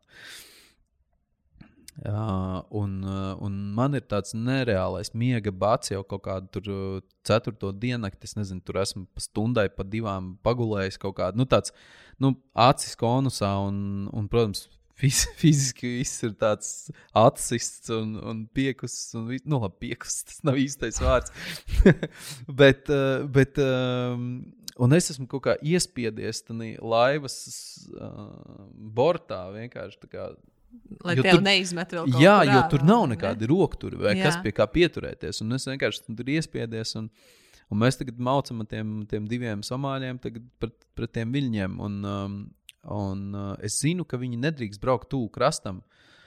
To man ir teikuši tur ar kuriem es tur sazinājos. Jo, jo, jo tā ir tā Alšababa teritorija. Alšababa ir teroristu un kriminālais grupējums, kas tur atrodas. Kas nolaupa tos kontrolē. ārzemniekus un pēc Jā. tam cenšas izspiest naudu. Okay. Jā, un, un attiecīgi. Viņi ļoti tuvu krastam brauc, un es nesaprotu, kāpēc viņi brauc tik tuvu krastam. Jo man, es, kā iepriekš jau man teica, ka tie vietējie nebrauc tur. tur nu, viņi neviens tur nebrauc tik tuvu. Un viņi visu laiku tur čeko to krastu. Tur Un vienkārši tu, nu, tas, ka viņi skatās, kā viņi skatās, kā viņi skatās, krastu, tev jā, radās kaut kāda neuzmanīga. Nu, man vienkārši sajūta, nu, man, ir, ne? man ir jau diezgan tāda. Um, Paranoja bišķi arī. Nu, es, galvenais, mēs braucam, braucam, braucam. Tur es nezinu, pēc kaut kādām 20 minūtēm vai 25 minūtēm. Viņi vienkārši tā kā, kā apmet to laivu riņķī. Oh, tur, kaut kādu, tur kaut kādu uztaisīja kaut kādus pagriezienus, nobrauc kaut kādā maliņā vēl un izmet ankuru. Oh. Un mēs tā kā gaidām kaut ko. Oh. nu, jā, un tad varat iedomāties, kāda Cik ir tur sajūta. Nē, tur bija tā, ka man bija sajūta, ka nu, vienkārši tiem džekiem ir samaksājuši vairāk nekā tā policija. Jo tie džeki īsti, tu tur nevarēja saprast, viņi kā policisti, tā kā nē, tā kā zvejnieki, kuriem ir laivas, kā kaut kādi pārvadātāji. Nu, uh, Tur nav tā, ka, ka viņiem tur ir uniformas un tur mēs esam tie un tie. Nu, tā kā pilnīgi mierīgi tie varēja būt kaut kādi, kas, kam ir samaksājuši vairāk un kas ir pārpirkti. Un, tā, mēs gaidām īstos džekus, kad atbrauks vienkārši. Mēs sēžam uz ēku, gaidām kaut ko. Tad, kad atbrauks tevis nolaupītāji. Jā. Nu, jā. Nu, tad, uh, Cik tad, ilgi tas vēl kās? Viņi, viņi, viņi pēc kaut kāda. Nu, Nē, tas nebija ilgi. Tas bija, viņi centās sazināties atkal ar, ar to savu kaut kādu kontaktpersonu, kas runā angliski, lai pateiktu man, ka mēs gaidām, kad paliks gaišāks, lai viņi redzētu, kur braukt. Un, un tad, tad es sapratu, ka tā nu, ir loģiski. Uh, tiešām nu, šādos apstākļos nevar turpināt. Un viņi tā kā paliek un gaida. Tur, nu, mēs gaidām, nu, es nezinu, tur arī bija kaut kāda, varbūt pusstunda. Mēs tur sēdējām maksimums. Un Pēc pusstundas viņi izrauj to, izrauj to ankuru un apgriežas un brauc atpakaļ nu, uz to vietu, kur man savāca. Jā. Un es tā kā, kas notiek? Viņi tur arī tur angliski neko tur baigi. Un tad tas viens džeks saka, helikopter, helikopter, you go helikopter. Nu, es domāju, ok, nu, me go helikopter. Un, un, un tad, tad izbraucu krastā. Mm, tur, tur bija tāda Somālijas armija, tad, uh, kurus arī atkal nevar pateikt, vai tie ir labie vai sliktie. Jo arī nu, visi cilvēku nokārušies. Es kaut kādā 12, 15 mm. -hmm. varbūt. Jā, bet izskatās, tas, tas diezgan draudīgs. izskats Vis, tomēr. visi ar tiem uh, patronu lentām, Ar automātiem droši vien, vai ne? ložmetējs uz tāda džipa jumta. Un tie saka, nu, kā, kā piekšā džipā. nu, tāda sajūta. Tāda. Tā kā tad man aizveda, aizveda uz tādu bāzi. Un Tur tas nebija baigi ilgi. Tas, nu, tur aizveda uz kaut kādu, un tā izrādās, ir kaut kāda armijas tur, tur nocietinājuma, kaut kāda bāze. kā. Un tad pēc, pēc tam tad tur bija kaut kāda nopratināšana. Es vēl tur atslēdzos, pagulēju laikam kaut kādas dažas stundas. Un, un, un, un viņi man tur kaut kādas maizes klaipiņas, tādas mazas iedeva paēst un un kaut kādu ūdeni padzerties. Un, nu, tā kā iedeva tīras drēbes, pat kaut kādu tur kreklu vai ko. Un, uh, un tad pēc pāris stundām bija helikopters. Jā, un tad ar to helikopteru vēl 45 minūšu lidojums līdz, līdz Mogadišu. Un uh, tu teici, tev pratināja, ko tev prasīja. Nu, man prasīja, kā tu šeit nokļuvis, kāpēc tu šeit nokļuvis, kāds ir tavs brauciena mērķis, tur un, un tādā garā, un tādā garā. Un tad es vienkārši uh, viņi prasīja, vai, vai tu saskaņo ar kaut kādām valsts in institūcijām, ka tu dodies ceļā savu ekspedīciju un tādā garā. Un es lepni velku ārā uh, ministru Rinkeviču parakstīt vēstuli un lasu viņiem, kas ir Kārlis, ko viņš dara, ko, un, un, un, un, un, un, un, kur ir ļoti skaidri un gaiši paskaidrots. Um, viss tas, jo iedomājieties, tagad visi, kas skatās, zina, ka ir viens tāds latviečs, kas tur airē, un, un ja viņi kādreiz satiks uz ielas, tad viņi tā, ah, es kaut ko zinu. Nu, tādā ziņā, ka tas ir ticami kaut cik, bet tagad iedomājieties, ka jebkurā valstī, es, valsts iestādē saku, es airēšu pāri okeānam. Nu, kuku, nu vienkārši kā mēs šo džeku dabūjam uz kaut kādu institūciju nu, vai kaut kur bišķi pārsteigt. Vai... Tā domāja ne tikai institūcijas, tā domāja arī starp tevi zināmiem cilvēkiem. Jā, nu, lūk, un, un tad, lai būtu šī ticamība tiem maniem vārdiem, tad to ir apliecinā, apliecina kāda valsts iestāde, šī gadījumā ārlietu ministrija. Tad es atceros tavu zvanu. es atceros tavu zvanu, un es tev saku, Kārlī, es tagad tieši ēstu. Tad man vīrs ved uz dzimšanas dienas picu. tu saki, es ostu salātus. Es vienkārši ostu salātus. Es, Jā, es kad, at, at, at, kad man atveda, es ostīju salātus. Cik tu tur pusstundu ostīji salātus? Nevis tas bija, tas tā bija fantastika. Jā, jo es tātad nokļūstot šajā drošajā zonā, Mogadišu, tur ir, tur ir ēdnīca, kur ir nu, teju restorāna kvalitātes nu, līmenī. Un tu Un- esi tajā Itāļu teritorijā. Ja, Jā, jā, kur? te arī, arī Itālijas, arī Itālijas uh, vēstnieks tur ir. Es tā kā dieva ausī tur piezemējies tajā vietā. Pie viņi man- vislabākajiem ēdājiem. Viņi man tur heli, ar helikopteru jā, tur izsēdināja. un Sanāk tā, ka mēs arī ļoti sapazināmies ar to uh, vēstnieku vietnieku, uh, kurš, um, kurš man uh, uzreiz tā, ah, tev tas dzimšanas gads, ah, man šitais dzimšanas gads, un mums ir viena gada kā, starpība.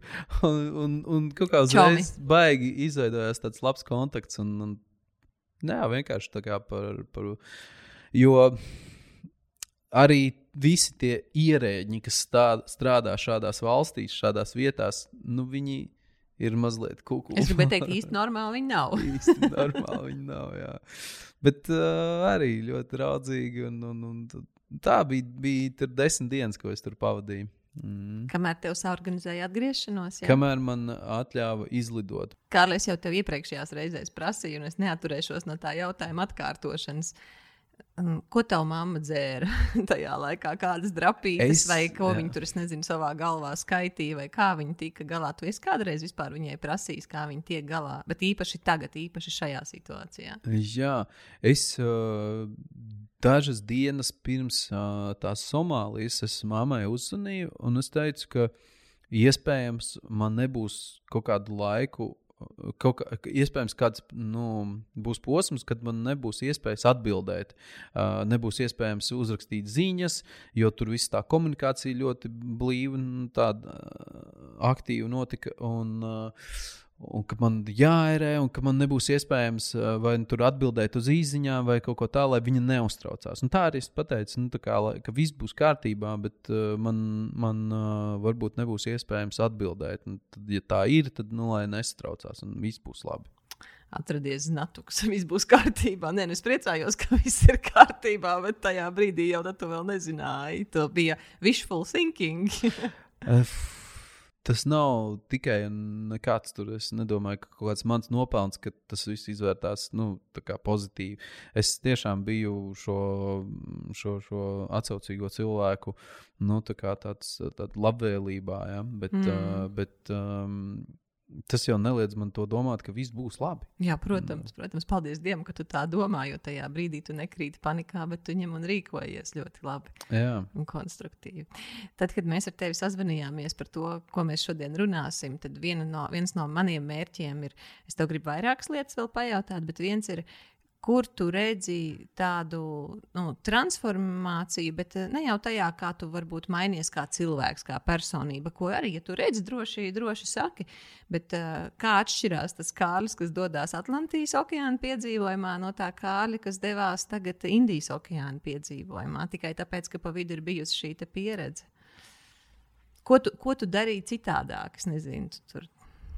Nu, man šķiet, ka ļoti būtiskas izmaiņas bija jau Atlantijas okeānam un Klusajam, pret kluso okeānu, mm -hmm. piemēram.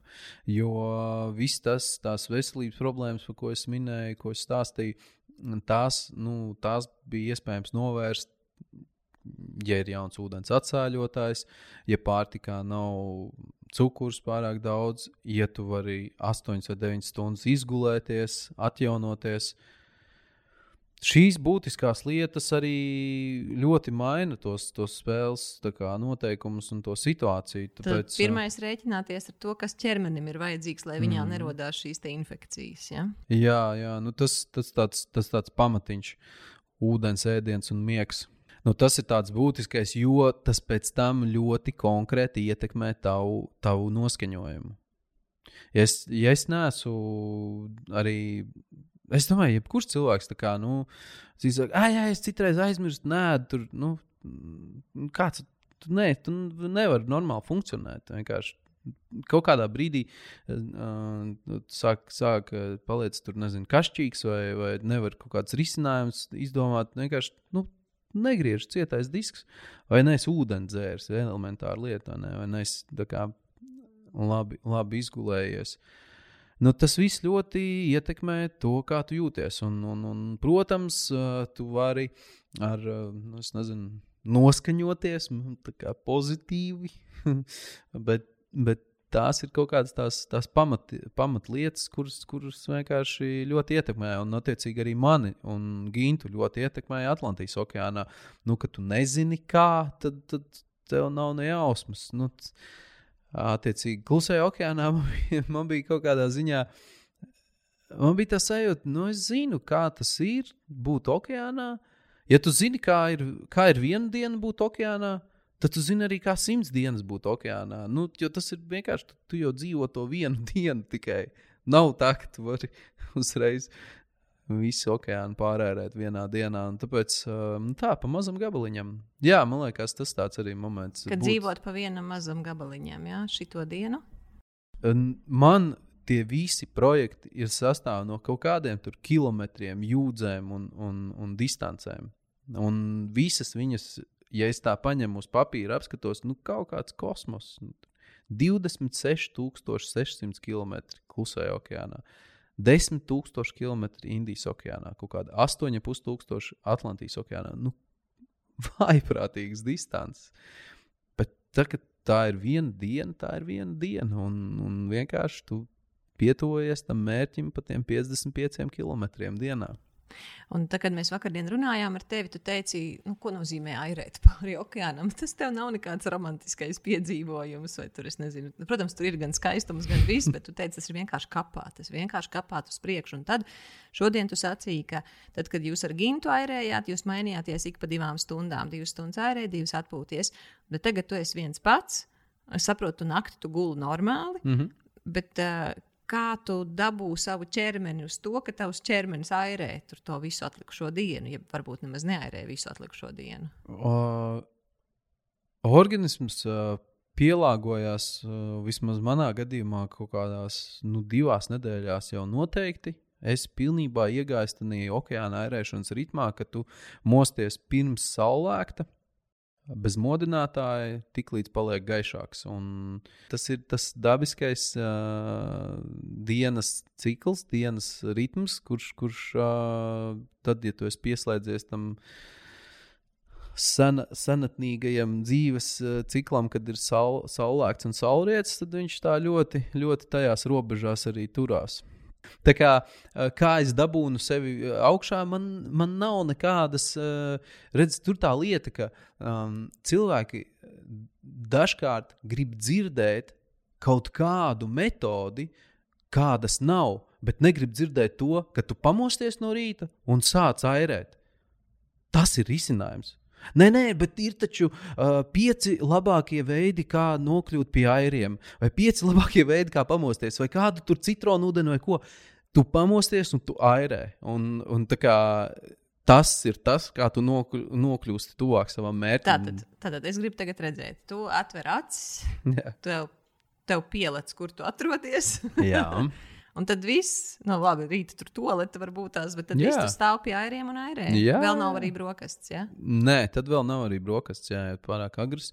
Uh, es sanāku, ka ieturēju kaut kādu 14 stundu pauzi tādā okeānā. Tad ja vakarā es pāēdu ap 6, tad no rīta ap 8, tad tās ir 14 stundas. Um, jā, vienkārši ej pie airiem. No paša rīta es nevēlos, varbūt, klausīties neko tur grāmatas vai podkāstus, bet, bet pēc tam, nu, kad paiet kaut kāda nezinu, stunda, divas, tad tā kaut kā. Ja tajā dienā tu esi iesilis vairāk, tad, tad jau kaut kādu saturu tu gribi. Tur. Nu, citreiz varbūt tik interesanti grāmata, kad nevar nociesties. Kad, kad jau atkal gribā. modīšos un dzirdēšu. Jā, tieši tā, tieši tā. Kā tev šķiet, cik grāmatas tu paņem tādā veidā līdzi? Nu, es paņēmu diezgan daudz grāmatas līdzi. Uh, es saku, tas mans aplēses bija, ka klusais okeāns bija ap 150 grāmatām. Un Indijas okeāns bija ap 50 grāmatām, bet kaut kādas jau tur atkārtojās. Nu, tās, kuras es noteikti gribu vēlreiz dzirdēt. Tādas vairākas. Nu, tad es tagad gribu dzirdēt, kuras tās Jā. ir. Nu, es uh, noteikti vienreiz gadā, vai pat varbūt vairāk, būtu veselīgi noklausīties uh, The Book of Joy, kas ir Desmond Tutu ar uh, sarunas ar Dalai Lamu. Mm -hmm. uh, bet tās arī ir iepriekšējās uh, cilvēku jaudas epizodē pieminētas. Tā kā, uh, Tāpat arī Ryan Holiday, uh, Obstacle is the Way vai arī Ego is the Enemy. Um, tās arī es varu klausīties vēl un vēl, vai arī kaut kādas nu, no tām manām piedzīvojumu klasikām, tur uh, Eda Viestura, uh, Shortcut, No Shortcut to the Summit vai Roalda Amundsena biogrāfija par, par uh, ceļojumiem Dienvidpolā un Ziemeļpolā. Nu, nu dažādas. Tanī skaitā, tanī skaitā man ļoti tā grāmata, ko es jau minēju, Pīters Diamandis. Uh, The future is faster than you think. Jā, un, un, un tad viņam bija Abundance, Abundance 360 grāmata. Tās ir par, tās ir par vairāk par kaut kādām tehnoloģijām un par uh, to, kā izskatīsies dažādas nozares nākotnē. Kas ir. Nu, Nezinu, man, man kaut kas tāds arī interesē. Protams, ir eh, daudz grāmatas par uzturu, kas man interesē, ko, ko man patīk klausīties. Uh, tad man patīk grāmata. Uh, viņai bija baigts nosaukums Karls Newports. Man liekas, bija Be so good that they can't ignore you. Mm -hmm. Laikam, jā. Un kaut kādas no stoicisma klasikām, tur uh, meditations no Marka Aurēlija uh, vai uh, Letters from Seneca. Mm -hmm. un, un, un, nu jā, tās ir arī tādas, ka uz okeāna tev ir tā daudz laika. lai klausīties. Piemēram, šobrīd es braucot automašīnā, varu paklausīties tās grāmatas vai kaut kur ar rīču garāku gabalu braucot, bet tāpat tas nav tik viengabalains brauciens kā, kā ar laivu, ka tās ir 8 stundas praktiski, kuras es klausos. Uh, ja es airēju tur 12, tad plus mīnus klausos kaut kādas 8. Lūk, tā kā okeānā es noklausos grāmatu dienā, pusotrā. kas ir šobrīd, es domāju, wow, tā ir tāda privilēģija, tāda privilēģija. Tāpat uh, Rich Roll grāmata, tā Finding Your Ultra. Vi, nu, tas saraksts būtu, būt, būt, būt, būs garš. Tiešām uh, viss arī teiksim, pēc nosaukumiem uh, tā precīzi neatceros, bet, um, bet tāpat man patīk grāmatas, kur ir par kaut kādu smadzeņu plastiskumu, vai par cilvēku uzvedību, vai kaut ko tādu. Jo, jo man jautā daudz jautājumus. Es nemaz sevi tā nekad neesmu nu, tā preparējis. Jo man, priekš manis tas nav vajadzīgs. Nu, tā kā. Um, Es vienkārši daru, nu, jā, nu, jo es tā, tā daru. Un tad citreiz cilvēki tur prasa, nu, jā, bet kā Tieši līdzīgi kā tu jautāji par to pieredzi, kā tu skaties tagad, kad tev ir tā pieredze. Un es tādu, kāda pieredze, kāda man te pieredze vienkārši, nu jā, es vienu okeānu pārējēju, otru pārējēju. Kāda pieredze vienkārši kā piekšā un mauc. Bet tā ir, ka atskatoties kaut kā mēģinot ieraudzīt to, ko tad es tad nezināju, tagad zinu, un tagad tas man šķiet pašsaprotams, ir tā sajūta, ka nu, tas ir iedevis kaut kādu uzslāņojumu, kaut kādu katrs tas piedzīvojums, iedevis tādu slāni, tādu pieredzi, caur kuru tu skaties uz kaut kādām nāko, nākotnes vai tiem izaicinājumiem, vai tiem, kas nu, tev ir tajā brīdī, kā saka, uz šķīvja, un, un tu uz viņiem skaties jau pavisam savādāk. Un tagad jau man galvā, piemēram, ir Uh, tur, nezinu, pasaules tur kaut kāda vēju karte, vai straumju karte, vai sezonalitāte jau zināma. Tur, ja man piezvanīja, piemēram, arī tā, tā ir gan no Amerikas, gan no Austrālijas. Tur saz, sazinās ar mani kaut kādi airētāji, kuri grib airēt okeānu, tur prasa kaut ko, kaut kādu, vai ir kāds padoms. Un, jā, protams, ir kaut kas, ko pateikt. Uh, un es atceros, ka tieši tā arī es pie kāda vērsos pirms, pirms es airēju Atlantijas okeānu. Un, un tad man ir prieks padalīties ar kaut kādu tādu informāciju, kas, kas man liekas, nu, tā kā negodīgi, ka, nu, labi, negodīgi. Nu, tas kādam ir bizness, bet nu, man liekas, nu, nē, nu, viņi taču tādi paši loši kā es, kas pirms pāris gadiem tur neko nesap, nu, nezināju. Vienkārši no Google, kā jau es tev esmu stāstījis, how to row an ocean. un tagad es esmu tad, nu, tad baigais gudrais. Tu tagad varētu Google atbildēt uz to jautājumu. tagad īstenībā, jā, tas būtu. Nopublicēt kaut ko, lai tie, kas Google, lai atrod un nonāk pie tevis. Mm. Tad, kad tu atgriezies atpakaļ Latvijā, nu, labi, tas nebija tik, tik ļoti ilgi. Pusgads tas bija atšķirībā no iepriekšējiem diviem mm. gadiem. Bet uh, tev ir tāda sajūta, vai nav, ka kaut kas ir mainījies. Es nezinu, vienalga, kas tas būtu, mm. bet ka mhm. tu pamani, ka kaut kas ir mainījies. Es tagad mēģinu atcerēties, kas tas bija, jo man par kaut ko bija tāda sajūta. Es neatceros šobrīd precīzi, kas tas varēja būt. Jo pēc klusā okeāna, kad es atbraucu, uh, tad man bija tā ļoti, es ļoti izbrīnījos, ka viens mans čoms ar, uh, samaksāja vienkārši nopīksti no telefona, kā pie tā karš, karš lasītāja. Viņš skaties. Tas bija tā smieklīgi. Ah, nu kā, protams, nevajadzēja, tā kā es atbraucu Un nevajag maskās staigāt. Nu, piemēram, nē, nu man tas bija neierasti, jo tikko es biju uz sauszemes, vēl iepriekš vis, visur, visur vajadzēja. Tā kā būt ar masku, un tad es atbraucu atpakaļ. Nē, maskas vairs nav. Okay. Es nezinu, es, es domāju, ka es ļoti labi atgriežos atpakaļ sabiedrībā, kaut jā. kādā tādā. Jo es esmu diezgan sabiedrisks. Man patīk cilvēks satikt, sarunāties, satikt draugus. Un, Un, un tieši tā, kā es jau teicu, iet uz koncertiem, uz teātriem. Un, un, tu teici iepriekšējā mūsu sarunā, ka tu atpakaļ civilizācijā, atpakaļ pilsētā paliec kā galerts, kurš ir uz to pusi, uz to pusi, ka tev nav vairs nekāda režīma un tā. Un, tu, nu, izplūsti kā, prom no tā, kādā formā tev parasti patīk būt. Es ar to mm. nedomāju, tur vai ēšana, vai vēl kaut kas, mm. bet nu, vispār uh, nu, ir tikai divi mēneši pagājuši. Bet, mm. uh, nu, kur tu redzi, ka tev varbūt tās uh, ir sanācis neaizplūst projām, ja tieši mm. otrādi, kur tu redzi, ja tev ir sanācis atkal aizplūst projām. Es. Uh, Baudīt ir viena jā. lieta, tas viss ir ok, bet kur tev ir sajūta, ka nē, nu šoreiz man ļoti labi sanāk, mm. baudīt un būt formā, un varbūt arī, ka nē.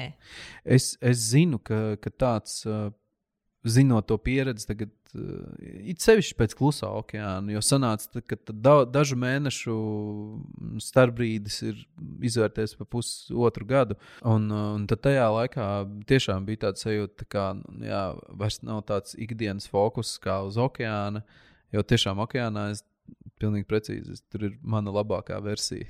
Tāpēc man patīk tur tik. tik Tā ir vide, kurā Tev viss ir saorganizēts nu, savā ziņā. Man ir saorganizēts, un man ir tiešām arī tik uh, uh, vienkārši nav nekāda 500 lēmumu jāpieņem tur dienā. Nav tieši tas, ko tu minēji, kad ir tik daudz uz, uzmanības novēršanas momenti pilsētā, uz kurieni un ko kas kā. Bet šeit, nu, tomēr divos mēnešos ir ļoti daudzi mm, soļi pavirzījušies uz priekšu saistībā ar to, kā dalīties, kur dalīties ar stāstiem. Uh, jo arī pēc klusā okeāna atbraucot, bija tāds posms, kad uh, notika publiski stāstu vakari. Un, um, un es domāju, ka šī epizode iznāks, jau visi būs izpārdoti. Pagaidām tikai laikam divi palikuši. Uh, bet uh, mm, tad, kad tu atbrauc atpakaļ un uzreiz vajag noformulēt to stāstu, uh, Tas iedod tādu fokusu, ka tev ir jāpiesēžās un kaut kas jādara, tas ir forši. Un, un, un pēc tam, kad tu izziņo visām uh, uh, pasākumu aģentūrām un, un dažādiem uzņēmumiem, ka es esmu atpakaļ. Man ir jauna sērija, seriālā, apmēram jauna pieredze, ar ko es varu padalīties ar jūsu komandām. Tad uh, ļoti aktīvi tas notika, ka sāk vienkārši sarezervēja. Jā, jā, jā, jā un tad, tad tev arī jāsafokus, jāsafokusē tā, tā, tie darbi tā, ka tā.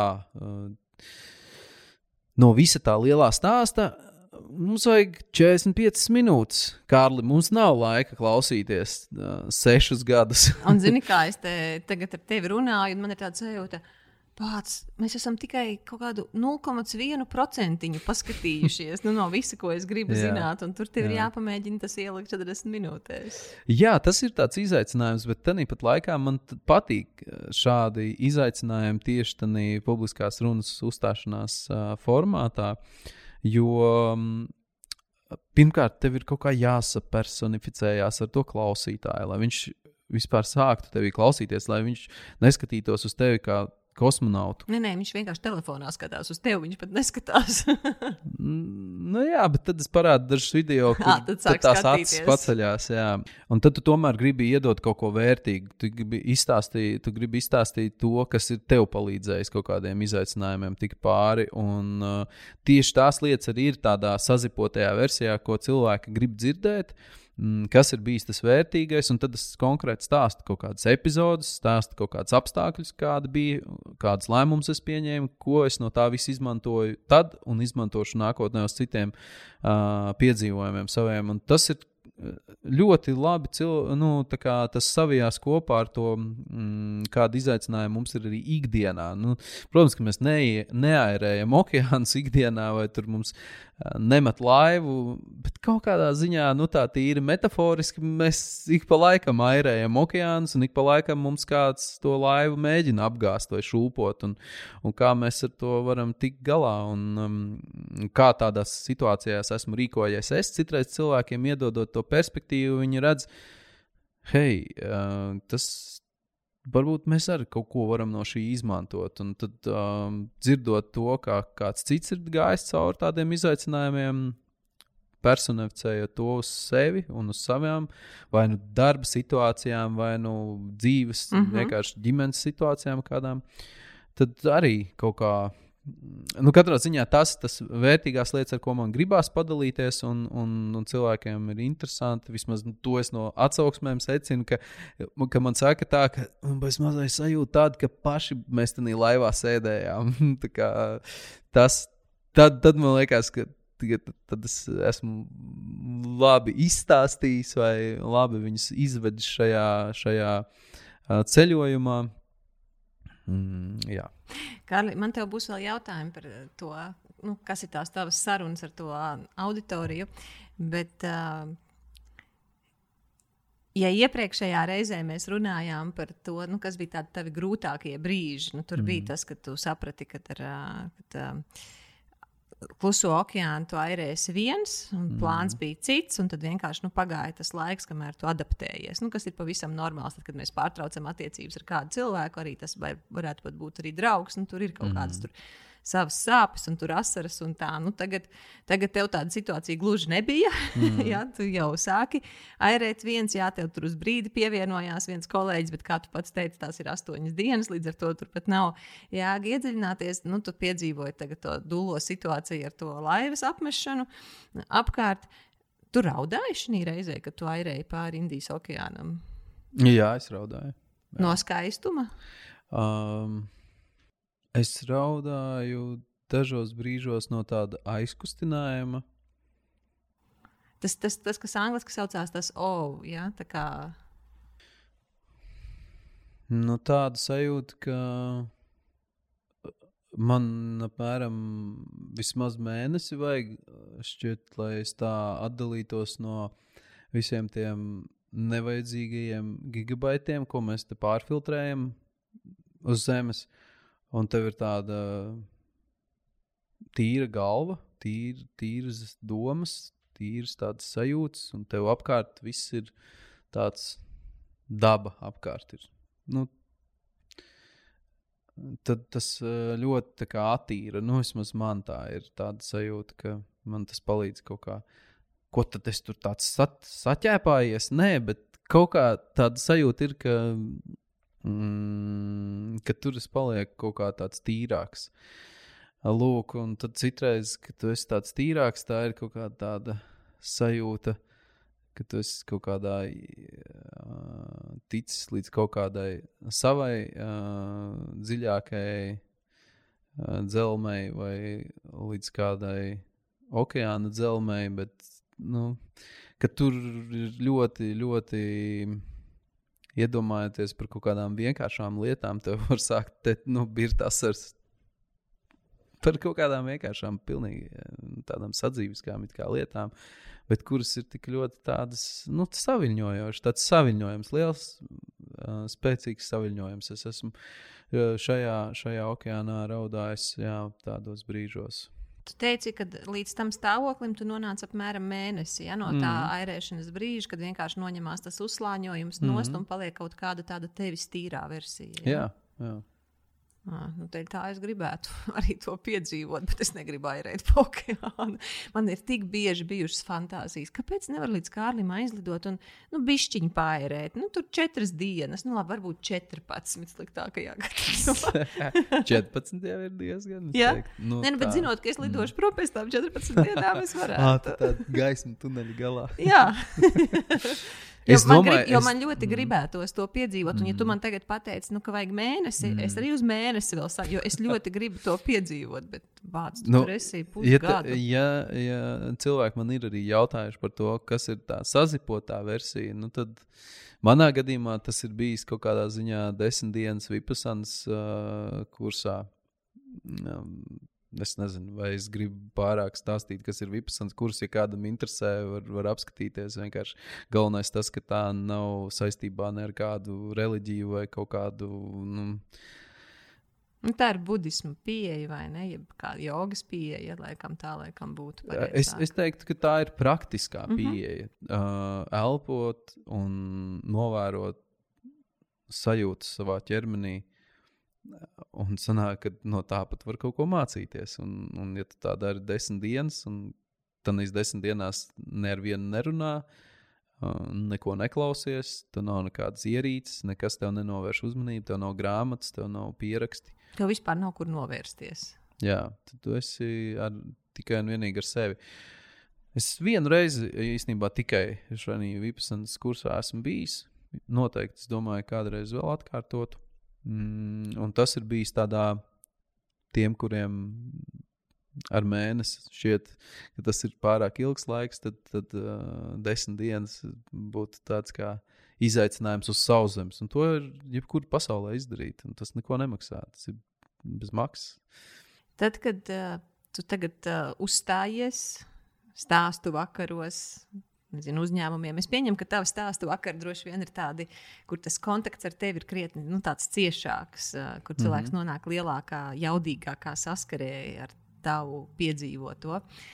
Tad es pieņemu, ka pēc tam droši vien pie tevis nāk cilvēki, kas cer saņemt kaut kādu vēl informāciju no tevis, kas attiecās uz viņiem pašiem. Nu, mm. Pēc kā es to vēroju, tad, kad es redzu atsauksmes pēc, tavām, pēc taviem šiem stāstu vakariem, kur cilvēki raksta ļoti liels saviņojums.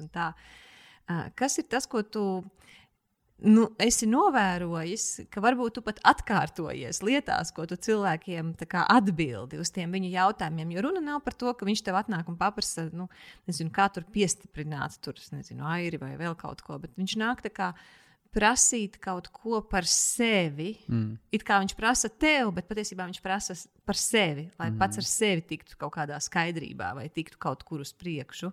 Mm. Nu, viena no lietām, kas, divas no lietām, kas man uzreiz nāk prātā, viena ir tā, ka cilvēks saka, kā to finansiāli var, tā, tā kā tīri praktiski, kā finansiāli tas ir iespējams, ka tu ceļo visu laiku kā tas tiek samanģēts. Tas ir viena no, no tām jautājumu grupām.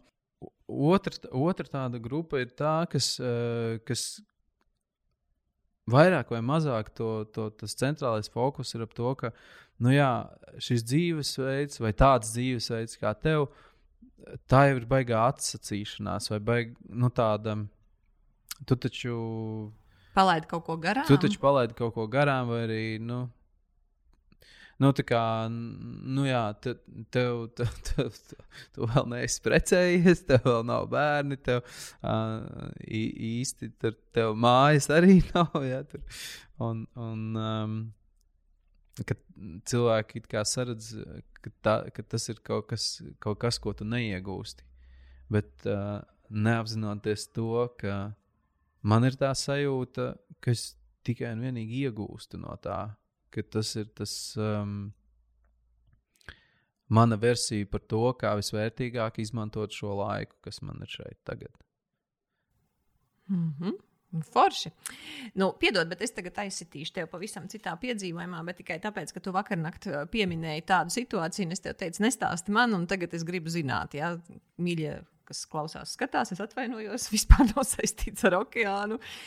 Vakar bija tāda frāze, ko tu teici, nu, jā, es esmu, protams, kaut ko mācījies no tiem saviem piedzīvojumiem. Nu, toreiz, kad uh, kalnos gidam iespēja zibens, es gribu dzirdēt vienkārši to stāstu. Mm, okay. Jā, nu tā tad uh, tas bija pirmais uh, tāds nopietnais kalnu brauciens kāpiens uh, Kaukazā pirms 17 gadiem. Tas bija tātad, mēs bijām pilnīgi jauniņie, nu, tādi pilnīgi iesācēji. Pilnīgi neko tur nezinām no visiem kalnu apstākļiem, kas un kā. Un, un mēs bijām tādā kalnu reģionā, kurš uh, bija ļoti bagātināts ar to metālu rūdu. Sanāk, tur negaisa laikā ļoti bieži notika tās izlādes tieši tur uz korēm, virsotnēs. Un mēs tieši ejam uz virsotni pa kori Un uh, es, nu, tā tad grupa kaut kādi 12 cilvēki m, ar instruktoru. Tas ir uh, viens no leģendārajiem alpinistiem, uh, leģendārākajiem alpinistiem Latvijā, Pēters Kūli. Uh, ļoti, ļoti kolorīta personība, un, un arī viņš kaut kādā ziņā pat tādu, kaut kādā tādu, tā kā palīdzējis noformulēt pat tādu kā domāšanas veidu šajā tā kā maucam filozofijā, kaut kā tā. Uh, jā, un, un, uh, un, tad, un tad uz šīs koras, uh, ka mēs esam jau tur tā grupa ir izratojusies. Mm, sanāk, jā, ir negaiss, un negaiss laikā tur spēr zibens. Jūs esat sasaitē, jā? Jā, bet mēs neesam tā, ka 12 cilvēki sasaitē. Mēs esam pa trim mm, vai pa diviem cilvēkiem sadalījušies. Un, un Pēters uh, ir tikko sasējies sasaitē ar, ar vienu meiteni, un tajā brīdī notiek uh, zibens spēriens tieši trāpa tur. Nu, es nezinu, cik tuvu viņam, bet viņš no tā, no tā spēriena viņš, uh, nolido no tās koras. Un, um, un viņš ir tur uh, satraumējies uz kaut kādiem plauktiem zemāk, bet nu, pa laimi viņš ir bijis piesējies. Un, un, uh, tā meitene kaut kā ir vai nu uz otru pusi, laikam, tur pa, palikusi vai kā, nu, nu, noturējies. Un, Un tā tad viņš ir tur dažus, dažus kaut kādus metrus, tur nezinu, 5 metrus vai cik metrus, 7 metrus nolidojis uz kaut kādu plauktu, tur guļ, satraumējies. Un, un nu, visi tur tā, tie apstākļi tur ir tādi, ka um, mēs esam ļoti izratojušies par to kori. Tas uh, priekšējie, kas tur iet, uh, kurā grupā biju arī es, īsti nezinu, kas ir tur aizmugurē, kas notiek, kāpēc viņi nenāk. Un mēs nevaram saprast, un mēs saprotam, ka viņi gaida kaut ko, jo kaut kāda kā, slikta laika apstākļa vai kas. Un patiesībā mēs gaidot, uh, mazliet nostāk no koras tajā negaisa laikā, gaidot, ka pienāks tas astes gals uh, no tās grupas, mēs redzam, ka virsotnē iespēr zibens. Nu, tāds pamatīgs zibens spēriens, vienkārši tāds stars tur ieiet. Un tas gan bija tāds moments, kad, nu, kā, ja mēs būtu gājuši vēl tur uz priekšu, tad, tad nu, pārāk nemālējot melnas tās bildes, bet, nu, tiešām tur varēja būt ziepes. Un, un tad mēs kaut kādā brīdī saprotam, ne, nu, jāiet apakaļ, jānočeko, kas tur notiek, un mēs esam tādā grupā. Uh, laikam, seši puiši, sešas meitenes, vai nu, diezgan līdzīgā skaitā. Un uh, viens no tiem uh, čaļiem, viņam ir uh, aptieciņa mugursomā, un viņš saprot, uh, nonākot mums tādā negadījuma vietā, mēs saprotam, ka, ka, ka Pēters ir tur lejā, uh, uz tā plaukta. Uh, viņu, viņam virsū guļ uh, tāds kā um, instruktora praktikants Jānis, kurš viņu silda Uh, un, uh, un tad Andris, kurš ir grupas uh, no tiem puišiem, tāds arī nu, pieredzējušāks, viņš ir ar medikamentiem somā, un viņš uzreiz lec pāri tur tai korei un laižās pa virvēm lejā. Es, es neatceros, cik precīzi, nu, vai, vai tur tiešām bija tā, viņš vai pa virvi laidās, vai viņš kāpa zemāk, lai nokļūtu līdz cietušajiem un tur ar, ar, ar tiem medikamentiem. Un tādā brīdī vēl viens spēriens ir zibens, un tas kaut kādu akmens gabalu atšķēlis. Un uh, trāpa Andrim kā, tas, tas kaut kāds tas akmen, akme, akmeņi vai akmens, tur kaut kāds gabals.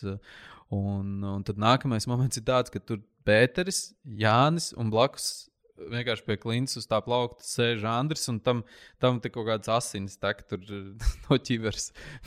ne, nu, es domāju, nu, diezgan, protams, kreizī situācija, nu, priekš tādiem jauniņajiem kalnos, bet tanī brīdī līdzīgi kā, kā tajā.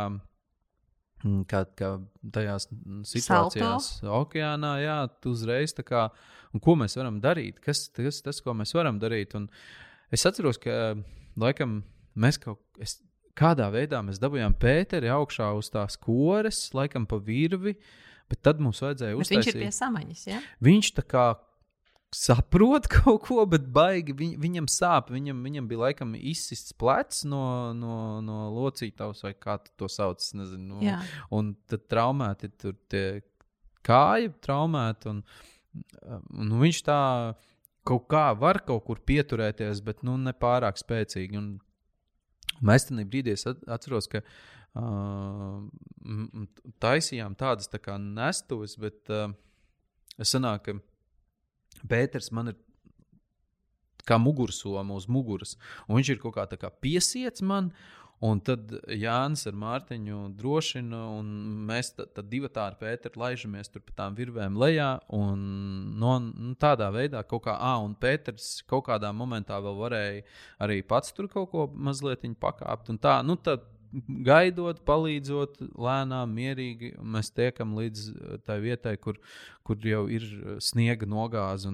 Tajā brīdī bija atnākuši no ielas jau glābēju komanda, profesionāli cilvēki, kas Uh, viņu nestuvēs, piesietu, aiznesa visu cauri naktī, pat mazu, ļoti mazu. Es vispār nesaprotu. Tur taciņi, kas gāja uz to nometni, lai kāptu tajā virsotnē, nu, pa dienu tur ir sarežģīti iziet. Kā viņi naktī nesot viņu tur, mm. es tiešām nesaprotu, jo mēs ar, mēs ar Mārtiņu palikām uh, tajā nometnē. Mm, un nākamā dienā mēs trietā kāpām vēlreiz uz to virsotni. Uh, un, un, un Jānis savukārt laidās tur pa entajām virvēm uz leju, lai meklētu Pēteru somu, kurā viņam bija pasa. Mm -hmm. un tas arī tika veiksmīgi atrasts. Un, uh, nu, tāda ļoti, ļoti spraiga pirmā pieredze kalnos, kas uh, iedeva atkal pilnīgi citu perspektīvu, kā vispār kā vispār kaut kas notiek kalnos, kā, ko nozīmē glābšanas darbi kalnos. Un tas nav tāda teorētiska mācība, vai tur, nē, nu mēs tur nometnē sasējām ledus cirkņus, uztaisījām nestos un mums pateica, ko kā darīt. Tas bija tāda tiešām reāla situācija, jo, jā, jo pareizi tur vēl bija tas, ka, ka visiem jau jātiek no tās koras lejā kaut kā tur bija. Un, Tad jūs līdz virsotnē netikāt, mm. jo vienkārši nebija vairs iespēja. Ne? Nu, tajā dienā mēs, nē, mm -hmm. Kas tā bija pa virsotni? Mm, uh, Jalav chat, kaut kādu virsotni 3000. Uh, es neatceros, nu, starp 3 un 4 tūkstoši uh, metriem virs jūras līmeņa. Uh, man ir alpinists grāmatiņa kaut kāda, kuras tur pastīties. Man šķiet, ka tas bija -huh. man šķiet. Uh. Paldies tev par stāstu. La, nu, Kārlim, Um, es zinu, tev nepatīk, tev uzdod jautājumus par to, ko darīs, bet tas mans pēdējais jautājums, nu, gandrīz vai pēdējais. Tas, tas jautājums ir, tu neesi pabeidzis savu pasaules apbraukšanu mm. kā, apkārt. Tad uh, apmēram tik, cik tev ir zināms šobrīd, kāda ir tā laika līnija, ko tagad darīsi? Tagad es uh, apmēram novembrī braukšu uz Tanzāniju, un tad būs uh, viens posms pa okeānu apmēram 400 jūdzes vai 350 jūdzes. Uh... Jo tev ir jāsa, jānonāk atkal tādā vietā, kur tu jau esi bijis. Jā, uz Somāliju tātad tu nedosies, bet tu pameklēsi, kur tu tur pa okeānu vēl esi bijis. Jā, es jā? mazliet tālāk no krasta, bet ne Somālijas uh, ūdeņos, ne Kenijas ūdeņos, mm -hmm. bet Tanzānijas. Mm -hmm. Uh, un, un tad, attiecīgi, savienošu tos punktiņus, kur es esmu bijis uz kādām koordinātēm, no tām atsākšu airēt līdz krastam. Uh, Namībijas, ja? Līdz Tanzānijas. Tanzānijas. Tad no Tanzānijas ah. līdz Namībijai ir divi riteni. Tad tas varētu būt, varētu būt novembris, decembris, janvāris, februāris apmēram. Jā. Grāmatu jau sāk rakstīt, ja vēl nē, tu gaidi, ka tev noslēgsies tas piedzīvojums, un tad tu rakstīsi. Es uh, kaut kādā ziņā, nu, Man īstenībā nav tāds fails uztaisīts grāmatā. Ja? Bet, nu, galvā ir, bet, uh, bet ne uz datora. Un uh, tieši tā kā tu saki, ka tad, kad uh, man šis ceļojums, uh, es būšu finišējis Namībijā, tad, tad man būs arī tā sajūta, ka nu, šis ir noslēdzies. Un tad, tad arī vērtīgi ir uh, paskatīties uz to, kas ir bijis iepriekšējos sešus vai septiņus gadus, un kas ir tas, ko es atceros. Un, ja es kaut ko atceros, nu, tad par to ir vērts uzrakstīt.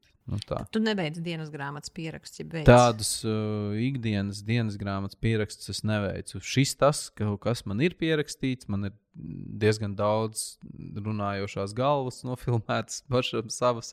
Vienkārši kamerā esmu runājis vai kaut kādas audio ziņas ierakstījis, bet, um, bet tā, ka es katra, katru dienu es tik cik pierakstu tur, kuras, kord, kur, kuras atrodos un cik pulkstenis un kaut ko mazliet par laika apstākļiem, bet uh, tādu tādu dienas grāmatu. Es saku, ir vērtīgi rakstīt tādā grāmatā to, ko es tagad atcerēšos pēc, pēc, um pēc septiņiem gadiem. Un šis notikums uh, ar. Um, ar to kritienu Kaukazas kalnos bija pirms 17 gadiem. Nu, tagad kā saka, uz, uz, uz ātru roku. Nu, tā varbūt ne pārāk konkrēti, bet ši, šo un to man vajadzētu mazliet pasēdēt, padomāt. Nu, tad atcerētos precīzāk to notikumu, kas tur nu, pēc kā notika. Bet nu, tas ir bijis tomēr pirms 17 gadiem. Nu, un tad uh, tu teici filmu, kad mm. iznāks filma. Tu esi visu materiālu sadabūjis, kas tev līdz šim ir bijuši vajadzīgi filmējumam. Jā, man uh, starp to kluso okeānu un Indijas okeānu bija tāda sajūta, ka tur vēl priekš klusā okeāna filmas kaut kas trūkst. Tagad man nav tāda sajūta, un, un tas, tas noteikti. Uh, Tas noteikti taps kaut kādā ziņā paralēli. Mm -hmm. uh, kā Kamēr būs... tu vēl esi šeit? Nē, nē, nē. Kad tu nu, būsi apakaļ, es jā, esmu šeit. Šobrīd ir augusts, septembris, oktobris, novembrī jau es braucu prom. Nu, tur mm, tas bija vairāk aizņem laika. Un tagad tu esi ļoti aktīvi iesaistījies stāstu vakaros, mm -hmm. lekcijās, dažādos uzņēmumos, līdz kuram laikam tev vēl var dabūt. Nu, zvanat, rakstat, uh, bo, Kārlis, boredofborders.com, uh, un tad sarunāsim. Jo man, piemēram, lidmašīnas biļetē izlidošanas datums vēl nav. Līdz ar to uh, man ir tie uh, pasākumi, kas ir aizrunāti, piemēram, oktobra beigās. Nu, es jūtu, ka varbūt šis kā, būtu tas pasākums, ar ko es finišēju savu tūri. Bet, uh, ja ir kāds, kas kā, nevar ātrāk, kā 2. novembrī, tad varbūt mēs tomēr vienosimies tālāk. Tā nu, es domāju, mierīgi septembris, oktobris um, droši rakstot, zvanot. Un tu tikko teici, tev jau stāstu vakarī gandrīz viss ir izpārdoti. Mm. Uh, tu tā kā nerīkos vairāk kādu, nu, varbūt vienu, varbūt vēl kādu. Uh, man ir šis, šis stāsts par Indijas okeānu un par. Nu, tur tātad tas stāsts ir gan, gan, gan Atlantijas, gan Klusais, gan Indijas. Un, protams, lielākā stāsta daļa ir par Indijas okeānu. Un šis, šī stāsta daļa ir pārāk priekš manis emocionāli, lai es to atkārtotu vairāk kā tās reizes, kuras esmu nolēmis, kuras es uh, vēlos ar to dalīties, kādas ir bijušas tās pieredzes. Un es domāju, nu, tie cilvēki, kas ir bijuši tajos stāstu vakaros, viņi man sapratīs, kā, kāpēc, par ko es te tagad stāstu. Nu, tā. Kā jau teicu, es redzēju, ka ir ļoti emocionāls atsauksmes, ja, ka tur ir mēs izsmējāmies un apraudājāmies. Es pieņemu, ka tev kaut kāds limits ir ja, tām emocijām, cik to aizēm viņām var iet cauri. Ja. Jā, laikam tā ir vismaz tieši kas ir uh, attiecībā uz šo stāsta dokumentālu, chronoloģisko daļu un tādu emocionālo atvēršanos. Uh, tas, tas tomēr ļoti, ļoti personisks saturs. Uh, es nesaku, ka saturs, es, uh, ar kuru es dalos uzņēmumos, un tur, ka tas nav personisks vai ka tas nav emocionāls. Nē, Bet tas ir pieskaņots tajā auditorijai. Bet es esmu ir, tieši jā. domājis par, par saturu mm -hmm. daudz fokusētāk kas būtu vērtīgs tiem cilvēkiem, dzirdēt par izaicinājumiem, par to, kāds ir uh, visgudrākais lēmums, vai, vai kāds ir uh, tāds uh, visvērtīgākais jautājums pašam sev, ko uzdodu es, kā es tieku galā ar saviem izaicinājumiem. Kā, nu, tas ir tāds fokusētāks uz, uz tādām lietām vairāk. Mm -hmm. Vai tev pēc visa tā, ko tu mums šeit izstāstīji, un cik daudz tu neizstāstīji, jo kā mums bija sarunāts ar tevi, tad es, es neuzdodu jautājumus, kurus tu labāk stāsti stāstu vakarā. Nu, es mm -hmm. cenšos, protams, ka uh, ir, es, es nezinu, kas ir stāstu vakarā, līdz ar to man nav jausmas, bet tu pats izvēlies, ko tu atbildi un kā tu atbildi. Vai tev ir kāds jautājums, nezinu, lūgums, ieteikums cilvēku jaudas auditorijai? Uh, saistībā ar to, ko viņi no tevis šodien dzirdēja? Lūgums auditorijai. Nu, noteikti lūgums būtu ieiet airēmāju.lv. Tas, tas man arī liels paldies visiem, kuri jau to ir izdarījuši. Tā, tad, tā ir labdarības akcija, ar kuru šis okeāna airējiens, tā skaitā arī uh, turpinājums pa Āfriku, mm, ir veltīts uh, labdarības mērķim, lai Latvijā taptu pirmais hospice aprūpas centrs uh, ar, kopā ar nodibinājumu hospice. Uh, Un, un tiešām paldies visiem tiem cilvēkiem, kuri tā virtuāli man ir pievienojušies airēšanai laivā. Un tur attiecīgi katrs kilometrs okeānā tika konvertēts 10 eiro ziedojumā. Um, Un, un šī brīdī vēl joprojām tā lapa ir aktīva. pievienojieties, pievienojieties kilometriem un atbalstiet, atbalstiet hospice, lai Latvija vairs nebūtu to reto, pavisam reto Eiropas Savienības valstu vidū, kurā nav šāds atbilstošs uh, līmeņa hospice aprūpes centrs. Un tāds noteikti būs, par to pārliecināts. Uh, mēs to visi kopā paveiksim.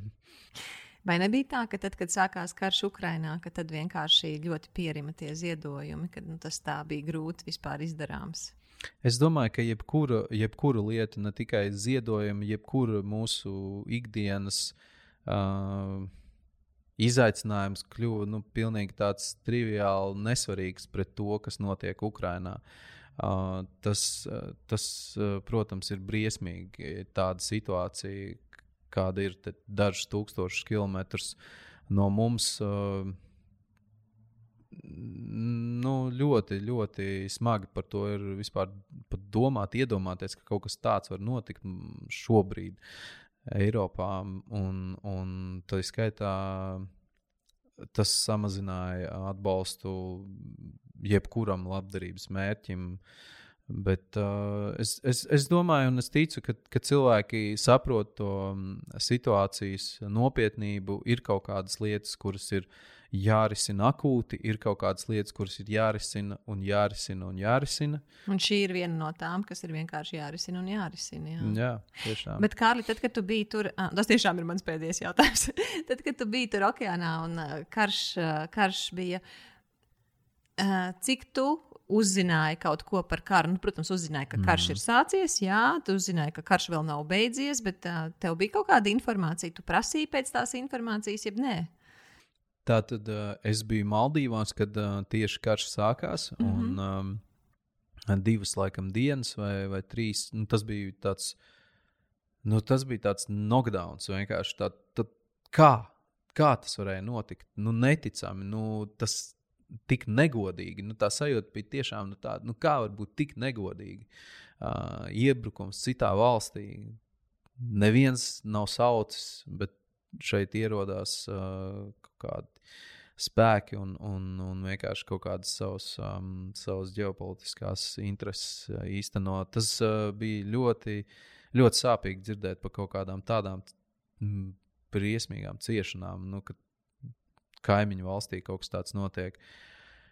Um, kad es esmu okeānā, kā es teicu, pēc 30 dienām es uh, kā, esmu tāds izfiltrēts un uh, mani ļoti spēcīgi ietekmē visa informācija. Nesalīdzinām spēcīgāk nekā tas ir šeit uz Zemes.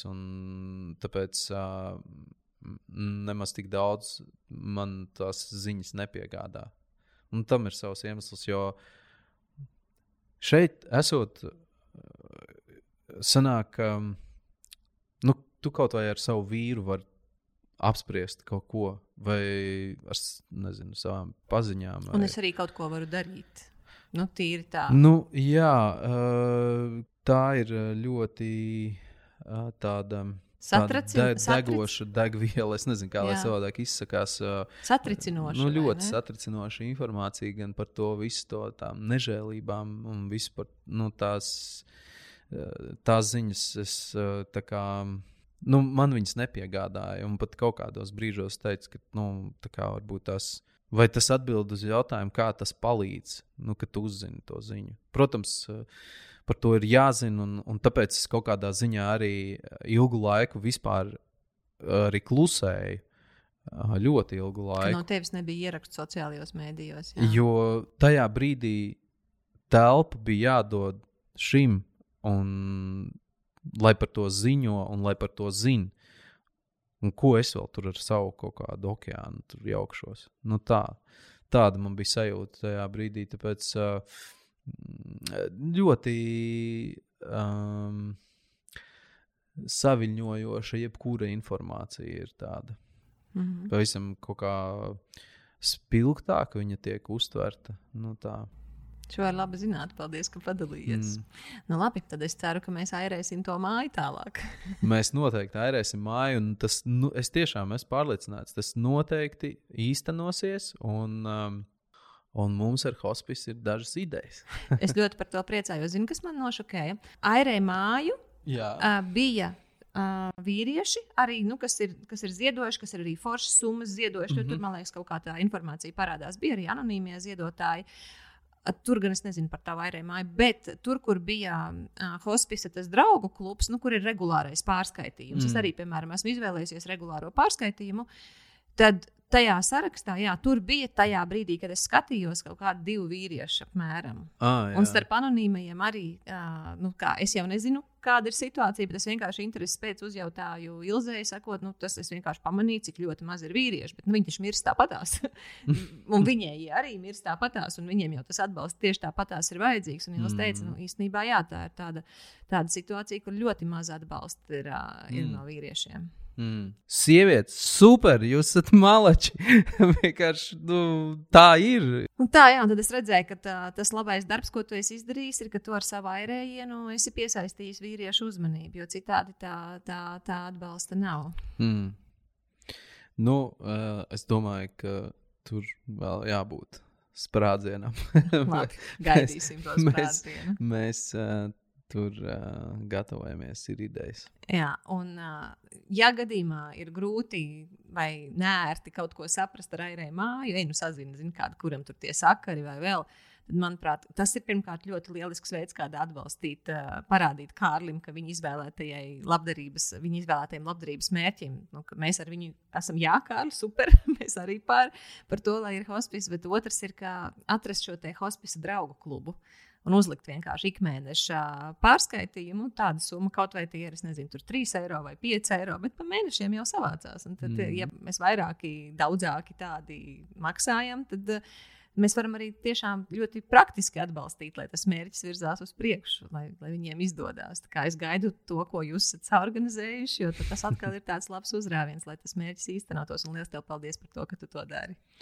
Nu, paldies, tev, Laura, ka tu parādīji Ilzi šajā podkāstā. Es nebūtu viņu par viņu dzirdējis. Un nezinu, vai tas tā vispār īstenotos. Tas sākās no jūsu abu sarunas. Jā, tas, es arī esmu ļoti pateicīga, ka man bija tāda iespēja iepazīties. paldies, tev, Kārli! paldies, Laura!